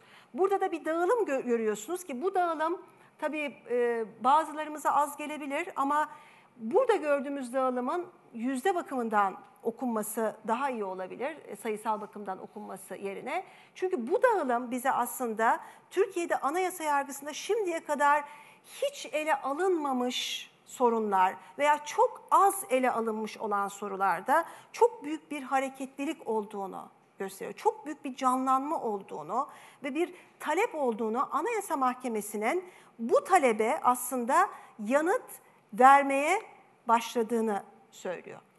Bu yanıt beklentileri karşılıyor mu o ayrı bir e, soru. Diğer bir nokta, şöyle size ben toplumsallaşmayı göstereyim. Burada tabii e, siteye giremeyeceğim düşüncesiyle sadece dondurarak, e, fotoğraflarını alarak ilerledik ama siteye girdiğinizde bunları daha fazla açabilirsiniz. Buradaki bu toplumsallaşmanın bizim tabii esas aldığımız lider kararlar bakımından biz bütün kararlara odaklanmadık. Çünkü lider karar yani ana okunuda verilmiş olan kararı takip eden başka kararların daha az önemli olduğunu düşündük. Lider kararlar bakımından yine şu ana kadar anayasa yargısında hiç düşünülmemiş konularda çok yaratıcı bir şekilde bir gruplandırmanın yapılabildiğini gözlemleyebiliyoruz. Bunu Anayasa Mahkemesi kendi kendisine yapmıyor. Bu aşağıdan geliyor. Aşağıdan yargısallaşma olarak Anayasa Mahkemesi'ne geliyor. Genetiği değiştirilmiş organizma taşıyan bebek mamalarından aslında e, HES'lere kadar, hidroelektrik santrallere kadar çok değişik bir ölçüde kadına yönelik e, şiddetten evlilik dışı e, doğan çocukların haklarına, gazetecilere, unutulma hakkına, Twitter'a, YouTube'a kadar daha önce hiçbir şekilde yargı önünde bu kadar etkili ve bu kadar canlı şekilde ve özgürlük cephesinden tartışılmamış sorunların Anayasa Mahkemesi'nin önüne gittiğini görüyoruz. Bunların bir kısmı özgürlük lehine sonuçlanırken önemli bir kısmı da özgürlük lehine hiç kuşkusuz sonuçlanmıyor. Ama bu aşağıdan gelen dalganın ve bu bilinçli dalganın önemine dikkatinizi çekmek istiyorum. Burada da Danıştay ve Yargıtay'la olan ilişkisini görüyorsunuz ki burada Danıştay'ın mahkemeler arası diyalogda daha içerici, daha fazla benimseyici, Yargıtay'ın şu anda göremeyeceksiniz ama çok daha sınırlı kararla uğraşan ve daha reddedici bir tutum takındığını görüyoruz. Burada mahkemeler arasındaki dengede de özgürlükçü bakış açılarının benimsenmesi Danıştay'ın daha ilerlemeci olduğu bulgusuna e, ulaştık. Şimdi burada e, şöyle biraz daha geriye gideyim. Evet, bireysel başvuru büyük bir açılım fırsatı Türkiye açısından yaratabilir. Bazı örneklerde de e, bu fırsatı zaten yaratmış gözüküyor. Twitter'da, YouTube'da, e, gazetecilere ilişkin davalarda, Balyoz ve Ergenekon gibi yine mega politikayı ilgilendiren büyük davalarda ve birçoğunda anayasa yargısının son sözü söylediğini ve bu davalarda özgürlükçü tutum takındığını görüyoruz. Ancak Anayasa Mahkemesi'nin bu özgürlükçü anlayışının birçok durumda çok seçici olduğunu da saptamak zorundayız. Yani Anayasa Mahkemesi bazı önemli davalarda çok uzun süre suskun kalarak Mehmet Altan ve Şahin Alpay davası bunlardan bir tanesi ve başka davalar da buna eklenebilir. Ama nihayetinde özgürlükçü bir karar vererek hareket edebiliyor. Ama o kararı verdiği noktada zaten dava başka bir yerde sonuçlandığı için onun da etkisi olmayabiliyor. Yani verdiği özgürlükçü kararın diğer mahkemeler tarafından benimsenmemesi gibi bir durumla da son dönemde karşılaştığımız için yine bir etki sorunuyla karşı karşıya kalıyoruz. Ama nihayetinde geç verilmiş ve e, aynı zamanda özgürlükçü olmuş gibi tuhaf bir dengeye oturtmuş bir karar. O zaman Anayasa Mahkemesi de acaba popülist e, siyaset ve e, özgürlükler e, karşısında gerçekten yapması gerekeni zamanında yapabiliyor mu gibi bir sorunla karşılaşıyoruz. Orada başka bir sorun mu var diye bir siyasi soru sormak zorunda kalabiliyoruz. Bir başka nokta bu temkinlilik e, dışında, temkinli bir kahraman olmaya çalışma dışında yargı etiğine bağlı tutarlı ve güçlü bir özgürlükçülük içtihadı geliştirememe sorunuyla karşı karşıya kalıyoruz. Belirli yapısal sorunlarda Anayasa Mahkemesi siyasal bakımdan çok duyarlı ve daha hızlı davranabilirken çok daha acil sorunlarda biraz önce söylediğim gibi daha az duyarlı veya çok gecikmiş bir şekilde davranabiliyor. Özellikle din ve vicdan özgürlüğüne ilişkin e, alanda kadınların dinsel örtünmesinde çok hızlı özellikle son davalara oranla aciliyetleri bakımından düşündüğümde e, özellikle ve olabildiğince yeni kavramlar ve yeni bir laikliğin inşası yönünde davranabilirken ifade özgürlüğüne ilişkin yeni bir takım talepler karşısında veya seçime ilişkin davalar konusunda son derece çekingen, reddedici ya da son derece gecikmeli davranabiliyor. İşte genel olarak davaların sonuçları kimi zaman olumlu olsa bile suskunluktan ve gecikmelerden e, ötürü. Ya da bazı siyasi iktidarın düşüncelerine ve görüşlerine daha yakın duran konularda daha aktif ve özgürlükçü olunduğu zaman yargının salt hukuksal değil, e, salt siyasal davrandığı konusunda bir endişe doğabilir. Bu tarz yargı etiğine bağlı olmama veya tutarlılık veya güçlü olmayan özgürlükçülük örüntülerini de biz kendi yaptığımız araştırmamızda yaygın bir şekilde gözlemleyebildik. Dolayısıyla Anayasa Mahkememiz için özellikle popülizm ile karşılaşmasında Brezilya, Costa Rica ve Kolombiya gibi kahraman bir mahkeme modelinin doğduğunu söylememiz mümkün değil. Ama bizim e, mahkememiz bakımından Ekvador, Honduras, Paraguay ve Venezuela'nın tutumlarına bir yakınlığı gözlemlediğimiz bir e, bulgu olarak söylenebilir. Fakat bu sadece bir yakınlık, bunlara tamamen benzeşen bir örüntünün de olmadığını, bu örneklerde aslında siyasal iktidara daha fazla boyun eğen ve onun daha fazla destekçisi konumunda yer alan bir mahkeme modeliyle de karşılaştığımızı söyleyebiliriz. Dolayısıyla e, bundan sonraki evrede özellikle Anayasa Mahkemesi'nin daha fazla incelenmesine, daha fazla değerlendirmesine büyük bir ihtiyaç olduğu açık. Ama bu değerlendirmeyi yaparken de aslında e, uzun soluklu araştırmalara ve e, daha fazla örnekleme ihtiyaç duyduğumuzda bir gerçek olarak karşımızda duruyor. İlginiz için çok e, teşekkür ediyorum.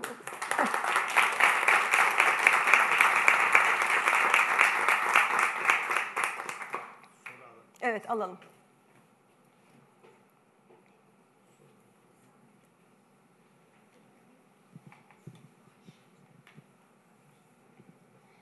E, çok teşekkürler sunumunuz için. Ee, mesela Costa Rica'yla Ekvador birbirlerine siyasal olarak, e, toplumsal, kültürel olarak çok uzak ülkeler değil. Ee, siyasal örgütlenmelerini çok iyi bilmiyorum bu iki, ülkenin ama e, birisini e, bir e, kahraman mahkeme yapan, diğerini yapmayan ölçütler, rastlantısal, orada bulunan e, hakimlerin, yargıçların e, kişilikleriyle mi ilgili yoksa oradaki sistemle mi ilgili? Yani birbirlerine çok farklı olmayan iki ülkenin iki mahkemesini o kadar farklı yapan kriterler nedir acaba? Toplu olarak mı alalım soruları tek tek mi? Tamam. Ee, şimdi Costa Rica, Ekvador ya da başka modellerde bu farklılıklar niye karşımıza çıkıyor? Özellikle Latin Amerika'daki orayı bir bölge olarak e, düşünürsek bu farklılıklar niye çıkıyor? Kültürel olarak e, benzerlikler var. Anayasal düzenlerde benzerlikler var. Bunların çok e, ağırlıklı olarak zaten e, başkanlık sistemine doğru evrildiklerini yıllar içinde gözlemliyoruz. Otoriter rejimlerden çıkışlar var büyük bir kısmında ya da otoriter rejimlere e, geri dönmeler var vesaire. Burada birinci etken yapılan çalışmalar bakımından yargıçların oluşturdukları kültür. Yani yargı kültürüne bağlı etkenler. Ama ikincisi ve ben e, daha fazla belirleyici olduğunu düşünüyorum. E, siyasi yapılardaki e, kırılmalar ve farklı siyasi güçlerin sistemde söz sahibi olabilmesi. Kolombiya bakımından söz gelimi niye bu kadar ilginç bir mahkemeye karşımıza çıktı? Bunun iki tane temel nedeni var. Birincisi çok fazla parçalanmış bir siyasi yapı olması her ne kadar başkanlık sistemi olsa da ve güçlü başkanlar Uribe döneminde olduğu gibi e, karşımıza çıkmış olsa da bu parçalanmış ve olabildiğince e, e, kutuplaşmış olan düzende kendine mahkemenin bir yer bulabilmesi, çok fazla sesin çıktığı ve bunların sürekli birbiriyle e, yarıştığı ve o sesler arasında bir başkan figürünün yükseldiği zaman başkan ve mahkeme arasındaki karşıtlığın bütün o siyasal düzene egemen olduğu bir yapı var Kolombiya'da. Fakat e, örneğin Uribe döneminde Kolombiya Anayasa Mahkemesi'nin kendini kurtarması çok güçlü bir başkan figürü çünkü e, ve bir kahraman mahkemeye dönüşmesi sosyal ve ekonomik hak alanında son derece aslında hakçı, haktan yana sosyal bir mahkeme olarak karşımıza çıkması. Bu da tabii kamuoyundaki popülerliğini arttırarak mahkemenin benimsenmesine yol e, açtı şeklinde e, gözlemler var. O nedenle de bazı yazarlar Kolombiya Anayasa Mahkemesi'ni popülist bir mahkeme olarak ama sol popülizme daha yakın bir mahkeme olarak adlandırırlar ve öyle eleştiren e, yazarlar da söz konusu. Diğer modeller bakımından, Costa Rica bakımından da aşağı yukarı bu söylediklerim geçerli olabilir. Ekvador bakımından ise e, aslında işte oradaki o yapılarda bir siyasi güç e, daha fazla hakim ise, daha fazla baskın ise e, sisteme ve kendi aralarında oydaşma yapabilen ve özellikle popülist eğilimler gösteren partiler bloğu daha güçlü ise mahkemede o kadar güçlü kendisine gösteremiyor.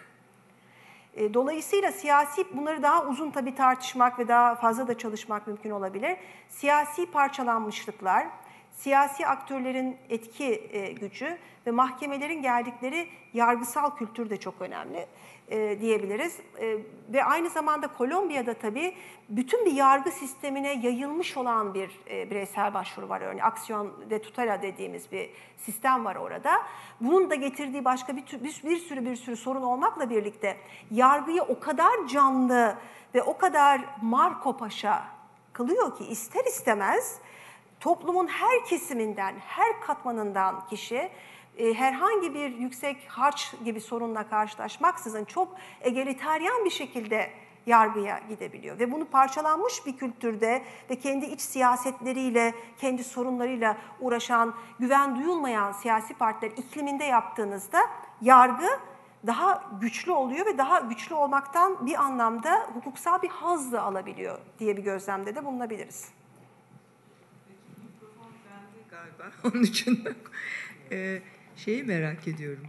Bu özellikle olağanüstü hal e, döneminde e, Anayasa Mahkemesi'nin bu kanun hükmünde kararnameleri e, gündemine almamaya karar vermesini siz nasıl yorumluyorsunuz?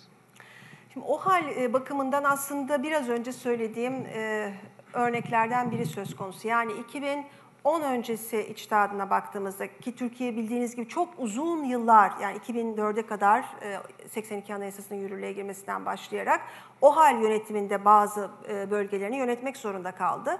Ve dolayısıyla o dönemde çıkartılmış olan kanun hükmünde kararnamelerin bir kısmı Anayasa Mahkemesi'nin önüne gitti. Bu giden kararnamelerin bir kısmında da aslında olağanüstü hale ilişkin kanun hükmünde kararnameler bakımından anayasada sözel bir yasak olsa bile öyle bir yorum yaptı ki o denetim yasağına gerçek anlamda yani olağanüstü halin koşullarını karşılayan kanun hükmünde kararnameler bakımından yorumladı. Eğer olağanüstü halin gerekli kıldığı yerde, zaman içinde veya gerekli kıldığı koşullarda veya o koşullara özgü bir kanun hükmünde kararname yoksa o, o hal kararnamesi değildir. O sıradan bir kararnamedir. O tarz karar, sıradan kararnamelerin de bir yetki kanunu olması gerekir diyerek diğer o hal kanun hükmünde kararnamelerini ismine bağlı kalmayarak denetledi. Yani isimle bağlı olmam, özle bağlı olurum diyerek aslında son derece ilerlemeci ve hukuk devletinin telosuyla, amacıyla bağdaşan bir yorum yaptı. Şimdi bu yorumuna rağmen tabii önde giden bazı kanun hükmünde kararnameleri de maalesef denetlemedi. O denetlemediği kanun hükmünde kararnamelerden kaynaklanan ağır insan hakları ihlalleri de maalesef oldu. Onları insan hakları Avrupa Mahkemesi'ne taraflar taşıdılar. Ama özü itibariyle denetim çekincesini Anayasa Mahkemesi o hal kanun hükmünde kararnamelerinde inşa etmişti ve o karar gerçekten başarılı, kanıtlama açısından e, objektif olarak haklı kılınabilir bir karardır. O içtihat grubu içinde yer almaktadır. Fakat tabii çok büyük bir eleştiri konusu da olmuştur döneminde. Şimdi yeni içtihadında bundan böyle birdenbire bir sapma yaptığı zaman hiçbir değerlendirme yapmaksızın hukuksal olarak kendi içtihadına yanıt veren, kendi içtihadından dönmesine haklı kılacak hukuksal bir argümentasyon vermeksizin dönüşü yapması tabii ortada e, bir siyasal e, değerlendirme mi var sorusunu bize sorduruyor. Yani Anayasa Mahkemesi burada kendi argümanını şu anda içinden geçtiğimiz o hal süreci bakımından haklı kılacak, makul, nesnel bir değerlendirmeye girerek bunu yapsa söyleyeceklerimiz ve değerlendirmemiz farklı olur. Bunu yapmaksızın denetim çekincem yoktur zaten anayasa bunu yasaklamıştır diyerek ve kendi içtihadındaki birikimi görmeyerek, onu yanıt vermeyerek yapınca dolayısıyla kararın kalitesi bakımından ve dolayısıyla mahkemenin kendi meşruluğu ve hukuksal bir aktör olup olmaması bakımından ve güvenilirlik açısından ciddi bir soruyla karşı karşıya kalıyoruz. Şimdi Anayasa Mahkemesi adil yargılanma, delil toplama hakkında bir karar verdi yazarlar hakkında. Ee, ve alt mahkemeler din, dinlemedi. Şimdi halbuki anayasada da gayet açık yaz, yazıyor yani ben hukukçu değilim ama. Bütün Anayasa Mahkemesi kararları herkese bağlar şeklinde. Şimdi Anayasa Mahkemesi'nin bazı kararları dinlenebilir, bazı kararları dinlenemez hale geliyor bu şekilde. Yani beğenmediğiniz bir karara senin yok yetkin yoktur diye biraz da siyasi desteğiniz varsa bu şekilde karşı çıkabiliyorsunuz. Yani Anayasa Mahkemesi bazen var, bazen yok haline geliyor bu tutumla. Anayasa Mahkemesi ne, ne yapabilir? Veyahut yani nedir durum burada? Şimdi size dinlemiyoruz dendi. Gündelik yaşam devam ediyor. Anayasa Mahkemesi ne, ne yapabilir? Yani nasıl dinletebilir? Sözünü. Sözünü. Evet. Teşekkür Evet, çok çok güzel bir soru. Bunlar bizim hiç e, sormadığımız sorulardı. Çünkü deneyimlemediğimiz aslında bir süreçten geçiyoruz. Burada tabii sözünü ettiğiniz e, vaka bakımından o kadar e, yeni ve sıra dışı bir olguyla karşı karşıyayız ki eski yıllarda siyasetçilerden bu tarz tepkiler duymaya alışkındık.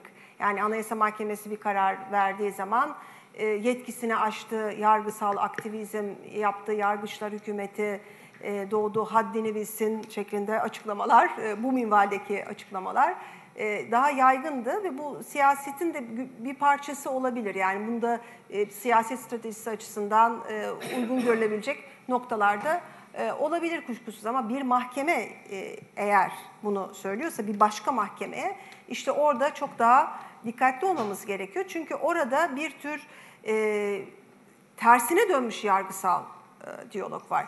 Burada sözünü ettiğiniz olay bakımından e, ilgili mahkemelerin, Anayasa Mahkemesi'nin kararının bağlayıcı olmadığını ileri sürmeleri, kendilerinin özerk bir şekilde karar verebilecekleri iddiasında e, olmaları bireysel başvurunun varlık nedeniyle bağdaşmıyor. Çünkü orada Anayasa Mahkemesi'nin yaptığı değerlendirme davanın esasına girerek de e, bir şey söylemek değil. Esası hakkında tabii ki yine e, derece mahkemesi e, gerekli değerlendirmeyi yapacak. Anayasa Mahkemesi o dava sürecine ilişkin hak ve özgürlük ihlaline ilişkin iddialardan kesitler alıyor ve o kesitlere ilişkin değerlendirmeler yapıyor. Hiç kuşkusuz o hak ve özgürlük iddialarına ilişkin değerlendirmelerinin davan esasına bir etkisi olacak. Ama bu etki olmadığı sürece de bireysel başvurunun bir anlamı e, kalmayacak. Dolayısıyla e, mahkemelerin, ilgili mahkemelerin yaptığı bireysel başvurunun varlık nedenini inkar etmek ve ortadan e, kaldırıcı yönde bir e, etkinlik olarak e, tanımlanabilir.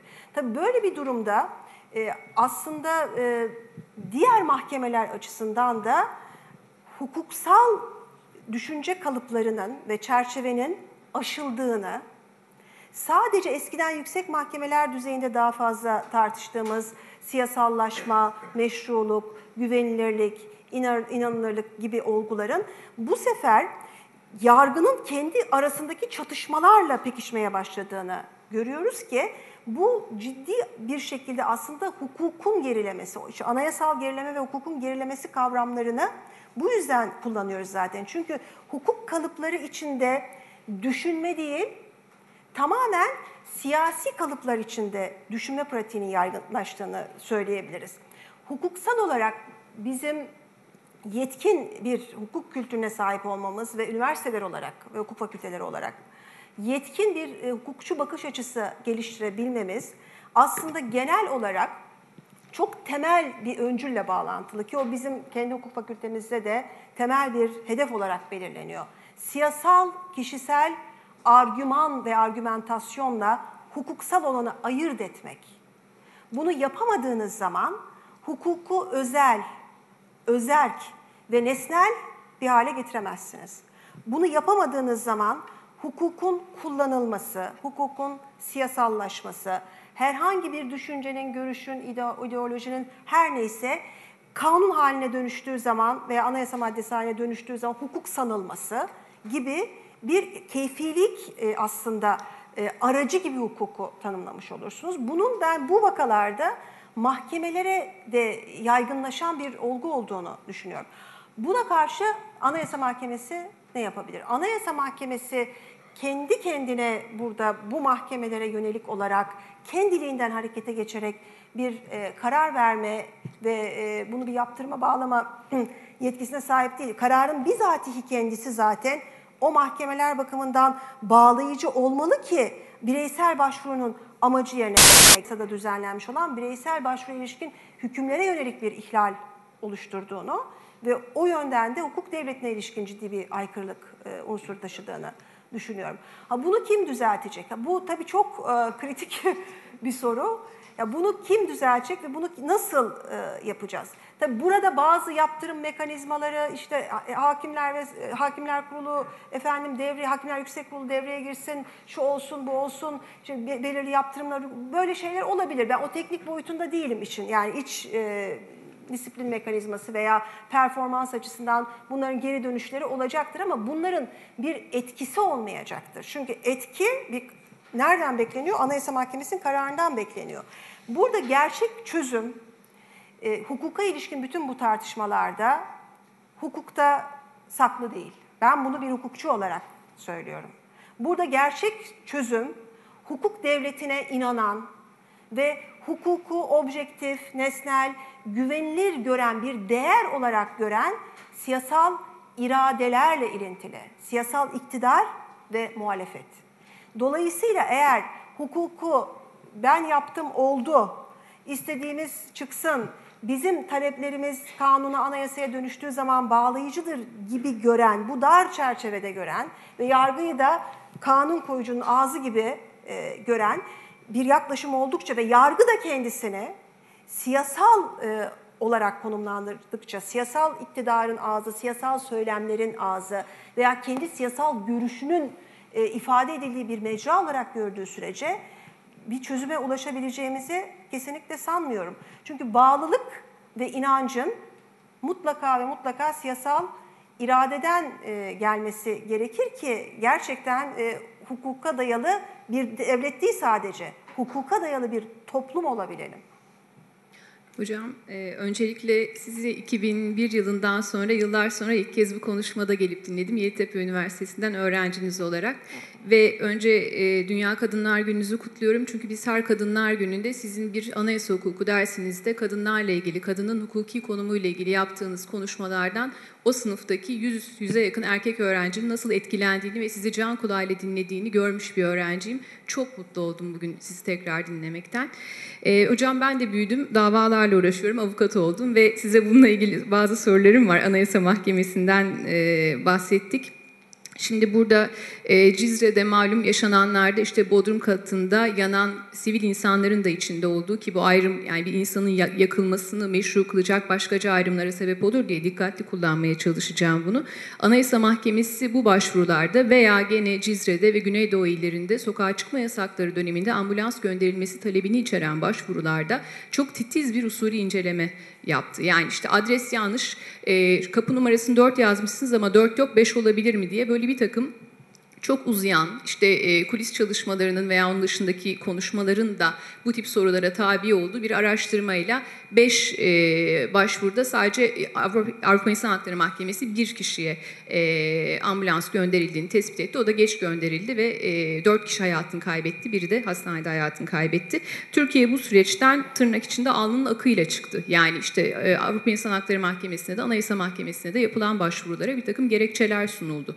Ama burada bir hukukilik sorunu var. Yani bir usulü uygunluk ama hukuki uygunsuzluk var mı? Soru işareti ve varsa bunun denetimi, bunun e, düzelmesi nasıl olur? Sizin e, bununla ilgili görüşünüzü merak ediyorum.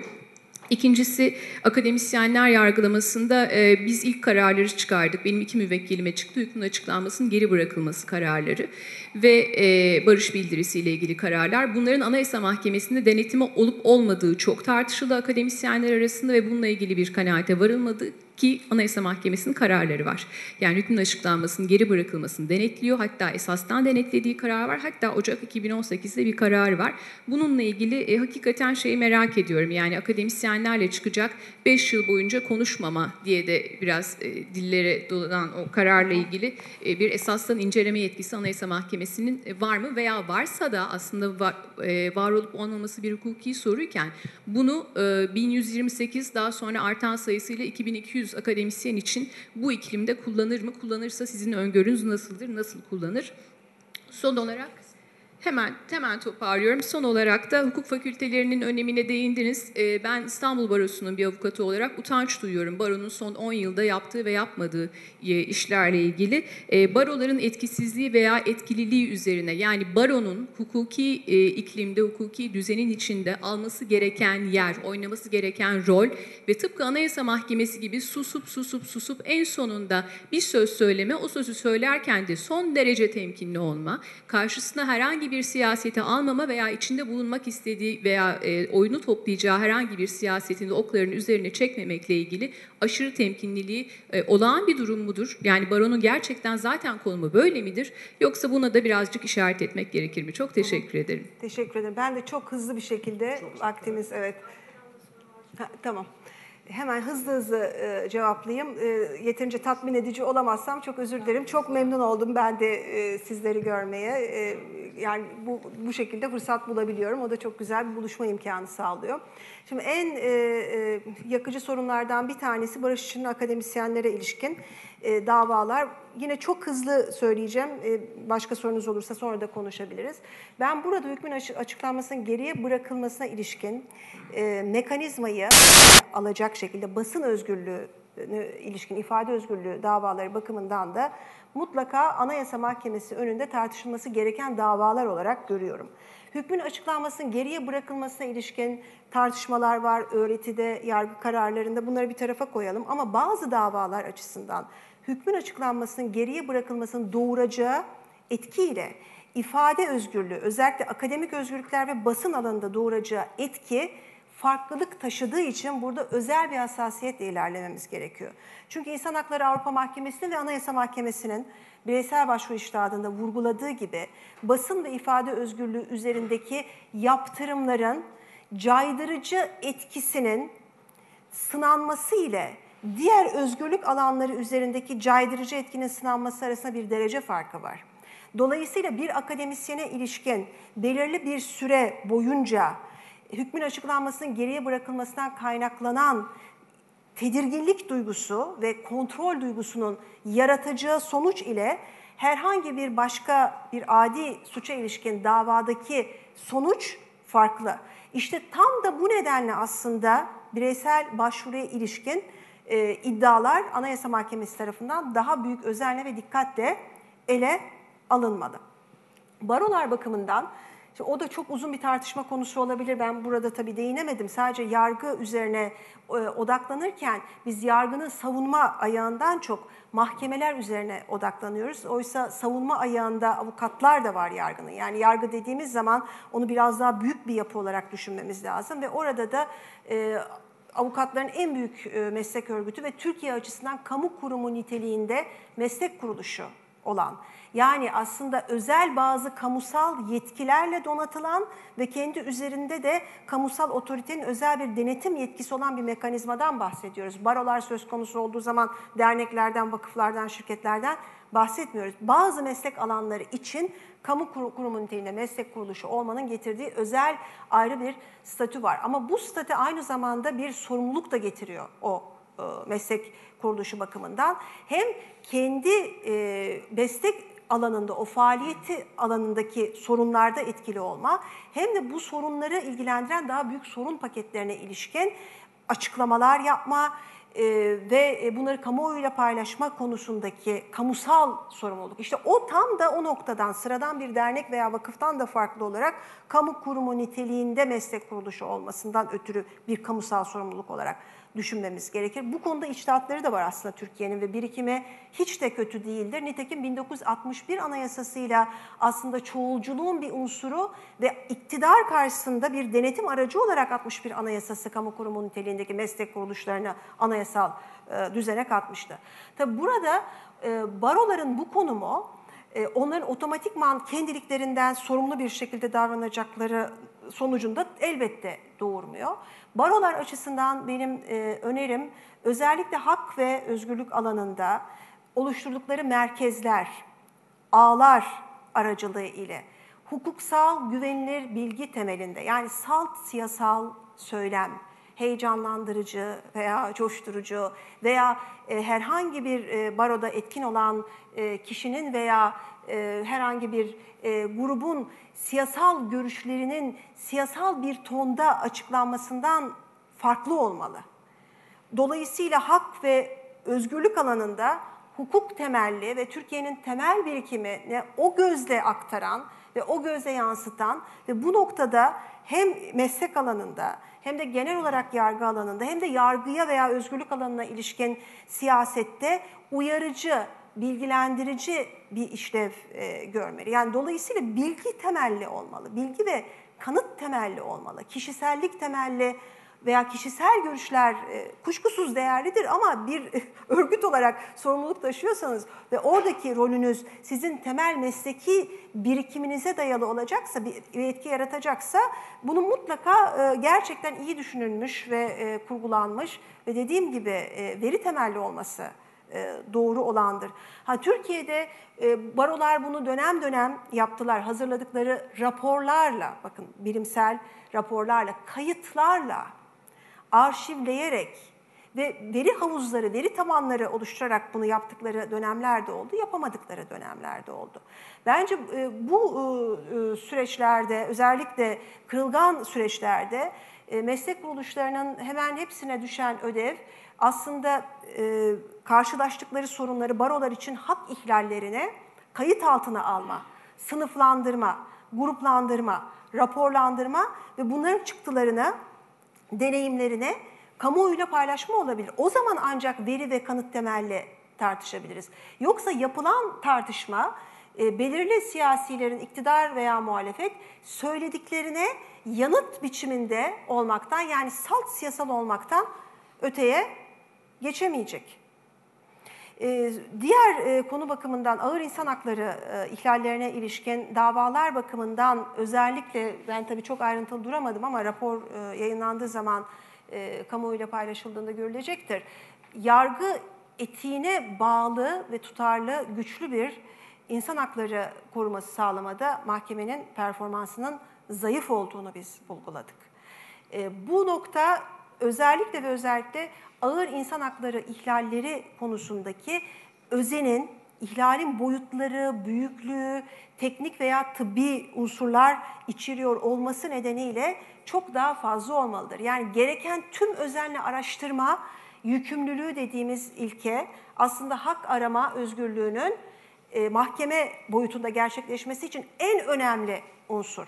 O yüzden de belirli araştırmaların belirli zamanlarda yapılması, belirli teknik donanımla yapılması veya tıbbi donanımla yapılması, işkence davaları vesaire veya yaşam hakkına ilişkin davalarda kritik önem e, taşımakta ve bunları mahkeme işte o gereken tüm özenle yaptığını mutlaka kanıtlamak zorunda. Yapmış olup da karara yansıtmadığı örnekler de olabilir. O da hatalı. Yaptıysa da bunu kararına yansıtmak e, zorunda. Türkiye'nin performansının genel olarak e, o alanlarda bütün e, geçmiş yıllardaki çabalara rağmen belirli bir standarda çekilemediğini gözlemleyebiliyoruz. Hocam o sorun şey yani düzenlesiyle ilgili neyi araçsallaştırıyorsunuz? Orada ne, ne bunun etkili şekilde daha hızlı düzenlesine yardımcı? Ha orada şimdi bir kere orada en önemli nokta e, bana kalırsa bir kapasite meselesi. Yani oradaki kapasite Anayasa Mahkemesi'ndeki kapasiteyi sadece ve sadece e, yargıçlar olarak düşünmemek lazım. Raportör yargıçlar ve oradaki o yargıçların hem nicel olarak hem nitel olarak sayılarının yükseltilmesi olduğu kadar genel olarak bu süreçlere biçimsel ve aktarmacı yaklaşma e, anlayışının kaldırılması lazım. Şimdi tabii bir yandan da şu var çok yeni e, bir süreç bu. Yani daha bebek yani emekleme aşamasında. Dolayısıyla bunu gelişime açık bir süreç olarak da değerlendirmek lazım. Yani sadece Anayasa Mahkemesi siyasal bilinçli yapıyor, şudur vesaire bu argümanlarla gitmek e, hem bilimsel olmayacaktır hem de hukuksal ve siyasal açıdan bence e, makul ve mantıklı bir yaklaşım da olmayacaktır. Bazı hatalar ve eksiklikler zaten nasıl yöneteceğini e, bilememekten, ayarlayamamaktan, e, gayret göstermekten ama bunu yeterince yapamamaktan da kaynaklanıyor. E, yargısında bulunabiliriz. Bu yaptığım değerlendirme okuduğum içtihatlar e, temelinde vardım değerlendirme. Kapasite birinci derecede önemli ama nicel değil aynı zamanda nitel kapasite. İkinci sorun e, anayasa yargısına bu büyük toplumsallaşma, büyük fırsat dedik ama olduğu gibi insan hakları Avrupa Mahkemesi kararlarının basit bir şekilde aktarmacılığı yani bir filtreleme Türkiye'nin birikimlerine ve deneyimlerine uygun bir şekilde Türkiye'nin zaman zaman kendi içindeki kazanımlarıyla ve güçlükle elde ettiği ve anayasal standartının yüksek olduğu noktalarda onları görmeden ezberci ve kolaycı yaklaşımla sorunları alma problemi de var anayasa yargısında. Yani İnsan Hakları Avrupa Mahkemesi'nin niteliği gereği bir uluslararası mahkeme oluşu, İnsan Hakları Avrupa Sözleşmesi ve ek protokollerinin zaman zaman birçok noktada sosyal haklar birinci sırada yer almak üzere yetersiz kalması, yanıt üretememesi, buna karşılık anayasal düzenlerin yüksek koruma standardı sağlaması karşısında Anayasa Mahkememiz ben İnsan Hakları Avrupa Mahkemesi ile bağlı kalırım diyerek bu sefer Türkiye'nin kazanımlarını da birçok vakada göz ardı edebiliyor. E, dolayısıyla bunlar bir süreç olarak yine değerlendirilmeli. Bunlar sorunlu noktalar. E, bu gibi biçimsel bakış açılarından da kendini arındıracak daha yetkin bir yapıya kavuşmasını arzu ediyoruz. Çok kısa bir sorum olacaktı. Geçtiğimiz yıl bir ebeveynlerin başvurusu üzerine aşı yaptırmama hakkını kabul Evet. etti Anayasa Mahkemesi. Yani bu bizzat Anayasal Mahke Anayasa Mahkemesi eliyle popülizm değil midir? Yani Anayasa Mahkemesi hangi bilimsel tıbbi bilirkişi görüşünü alıp böyle bir yani popülist karar vermiştir? Çok teşekkür ederim. Çok güzel bir soru. Ee, Yani raporda da değiniyoruz. Ee, Bilim Akademisi'nin de aşı konusunda açıklaması oldu. Ben aşıya ilişkin e, karar konusunda ayrıca da yazdım başka bir e, bağlamda.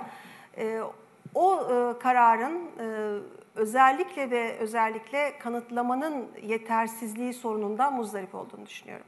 Yani o karar açısından öyle güçlü kamusal ve özellikle anayasadan kaynaklanan argümanlar vardı ki e, aksi yönde çıkabilmesi için Anayasa Mahkemesi'nin hangi hangi sahikle işte hangi hukuksal gerekçeyle bu sonuca vardığını anlamak ve açıklayabilmek mümkün değil. E, aşı e, kararı evet bir o açıdan bir popülist karar olarak değerlendirilebilir ve Türkiye'de aşı tartışmalarının e, yapıldığı e, hani gerekçelere de baktığımız zaman e, tabii ki popülist bir düzlemde ele alabiliriz ama diğer karşılaştırmalı modellere baksaydı birazcık Anayasa Mahkemesi aşı sorununda İngiltere'de olduğu gibi Amerika Birleşik Devletleri Yüksek Mahkeme kararları veya eyalet mahkemesi kararlarında tam tersi sonuca e, varılabileceğini ve bunun Türkiye açısından da geçerli olabileceğini söylemesi e, gerekirdi. Ay, hocam bir soru. Hocam. Ya Hocam e, benim sorum e, kahraman mahkemelerin bulunduğu ülkelerdeki başkanlık sistemi uygulamalarına dönük olacak. Onunla da karşılaştırmalı olarak Türkiye'deki başkanlık sistemini sormak isterim. Şöyle ki e, Latin Amerika ve Güney e, Afrika'daki sistemlerin bildiğim kadarıyla başkancı sistemler olduğunu biliyorum. Dolayısıyla oradaki mahkemelerin görevi biraz daha zor. Ama Amerika'da e, kontrol ve denge mekanizmaları olduğundan dolayı işte Supreme Court'un özellikle e, gerçek anayasa, en üst anayasa mahkemesinin kararlarında e, çok öncü kararları var ve hiç kahramanca denmiyor. Bunun nedeni de zaten ona görev olarak veriliyor olması. E, bu bağlamda Türkiye'deki e, sistemin bir başkancı e, model mi yoksa başkanlık sistemi mi ve kontrol ve denge mekanizmalarının olup olmadığını sormak isterim. Evet, bu, bu da ayrı bir konferans konusu olabilir hiç e, kuşkusuz. Ve Amerika bakımından şöyle bir değerlendirme yapayım. E, Amerikan evet Yüksek Mahkemesi'nin bir denge ve fren mekanizması olarak ve saygınlığı ve toplumsal kabul e, görmesi bakımından çok önemli bir rolü var anayasal sistem içinde. Fakat e, Yüksek Mahkemede son derece stratejik, çok stratejik ve genel olarak çok yoğun eleştirilere e, tabi olduğu ve karar alma pratikleri bakımından kıta Avrupa'sından farklı olarak Amerikan anayasa hukukunda e, daha e, fazla siyasal ve sosyolojik bakış açıları ve testlerle temellendiği ve kendi meşruluğunu e, aslında anayasadan almakla birlikte büyük çapta kamuoyuna dayandırdığı için çok farklı bir yeri var. Yani ben Amerikan Yüksek Mahkemesi'ne kahraman diyemiyorum ama o zaten kahramanlık görevini üstlendiği için değil bu. Ondan ona katılamıyorum. Çünkü Yüksek Mahkemenin olağanüstü e, stratejik olduğunu e, düşünüyorum. Ama en fazla üzerine çalışılan bir mah- mahkemelerden biri olduğu için tabii çok e, saydam e, bu yönüyle. Son yıllarda yapılan çalışmalar, şöyle son 15 yılına ilişkin bir çalışma, New York Times'ta da o bir ara yayınlandı. Daha özgürlükçü e, bir tutum takındı yıllar içinde. Çünkü hiç özgürlükçü olmayan, çok katı ve tamamen siyasal alana sürekli bu siyasal sorun öğretisini sık sık kullanarak delege eden bir tutumu olduğu yönündeydi. Özgürlükçü tutumlarının çoğaldığı yönünde bir değerlendirme var ama bu özgürlükçülüğün aynı zamanda şirket e, refahı yönünde olduğu, çok şirket refahını önceleyen bir mahkeme olduğu ve genel olarak bu stratejik kararların yani kendisini zora sokmayacak, aynı zamanda siyasal alana e, ve uzlaşmaya zaman yaratacak. Fakat bunun sonuçlarından da kendisini yine sorumlu tutulamayacağı karar alma pratiklerinden yana bir mahkeme olduğunu e, söyleyebiliriz. Dolayısıyla diğerlerine say- saydıklarımı hakikaten kahraman yapan çok daha az güvenli ortamlarda ve daha az stratejik karar alarak ilerlemeleri ama burada tabii ki siyasetin parçalanmışlığı nedeniyle bütün Brezilya için de aynı şey geçerli. Kolombiya'yı daha çok tartıştık.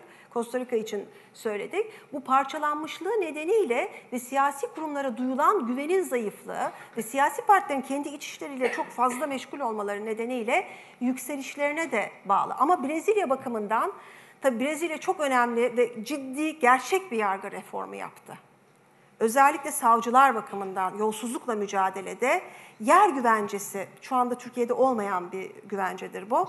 Yer güvencesini sağladı ve yargısını olduğu gibi yeniden yapılandırdı ki hukuk eğitimi bir felaket Brezilya'da. Felaket yani hukuk fakültesi sayısı binlerle filan ifade ediyor. Meksika, Brezilya felaket yani o noktada böyle derme çatma bir bina orada orası hukuk fakültesi filan denen bir ülkeden bahsediyoruz. Yani böyle bir yerde ve çok büyük yolsuzluk sorunlarının olduğu bir yer Petrobras filan hatırlayalım.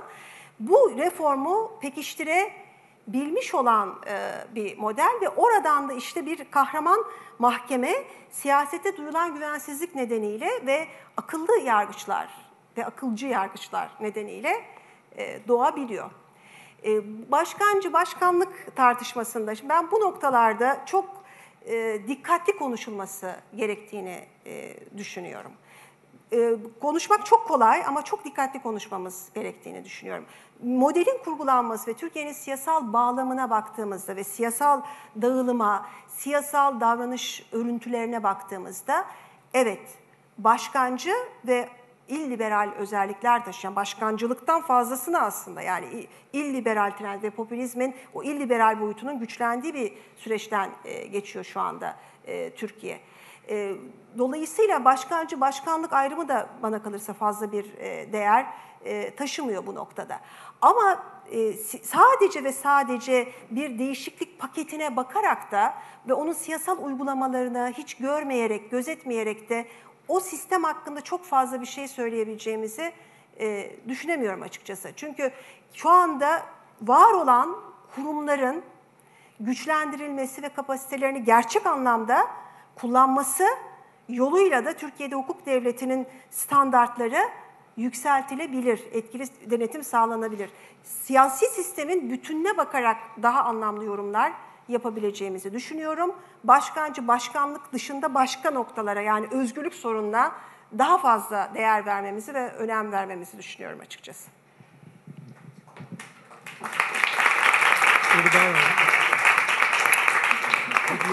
Teşekkür ederim hocam. Teşekkür ederim. Çok, çok teşekkür ediyorum böyle güzel bir günde, güzel havada geldiğiniz için.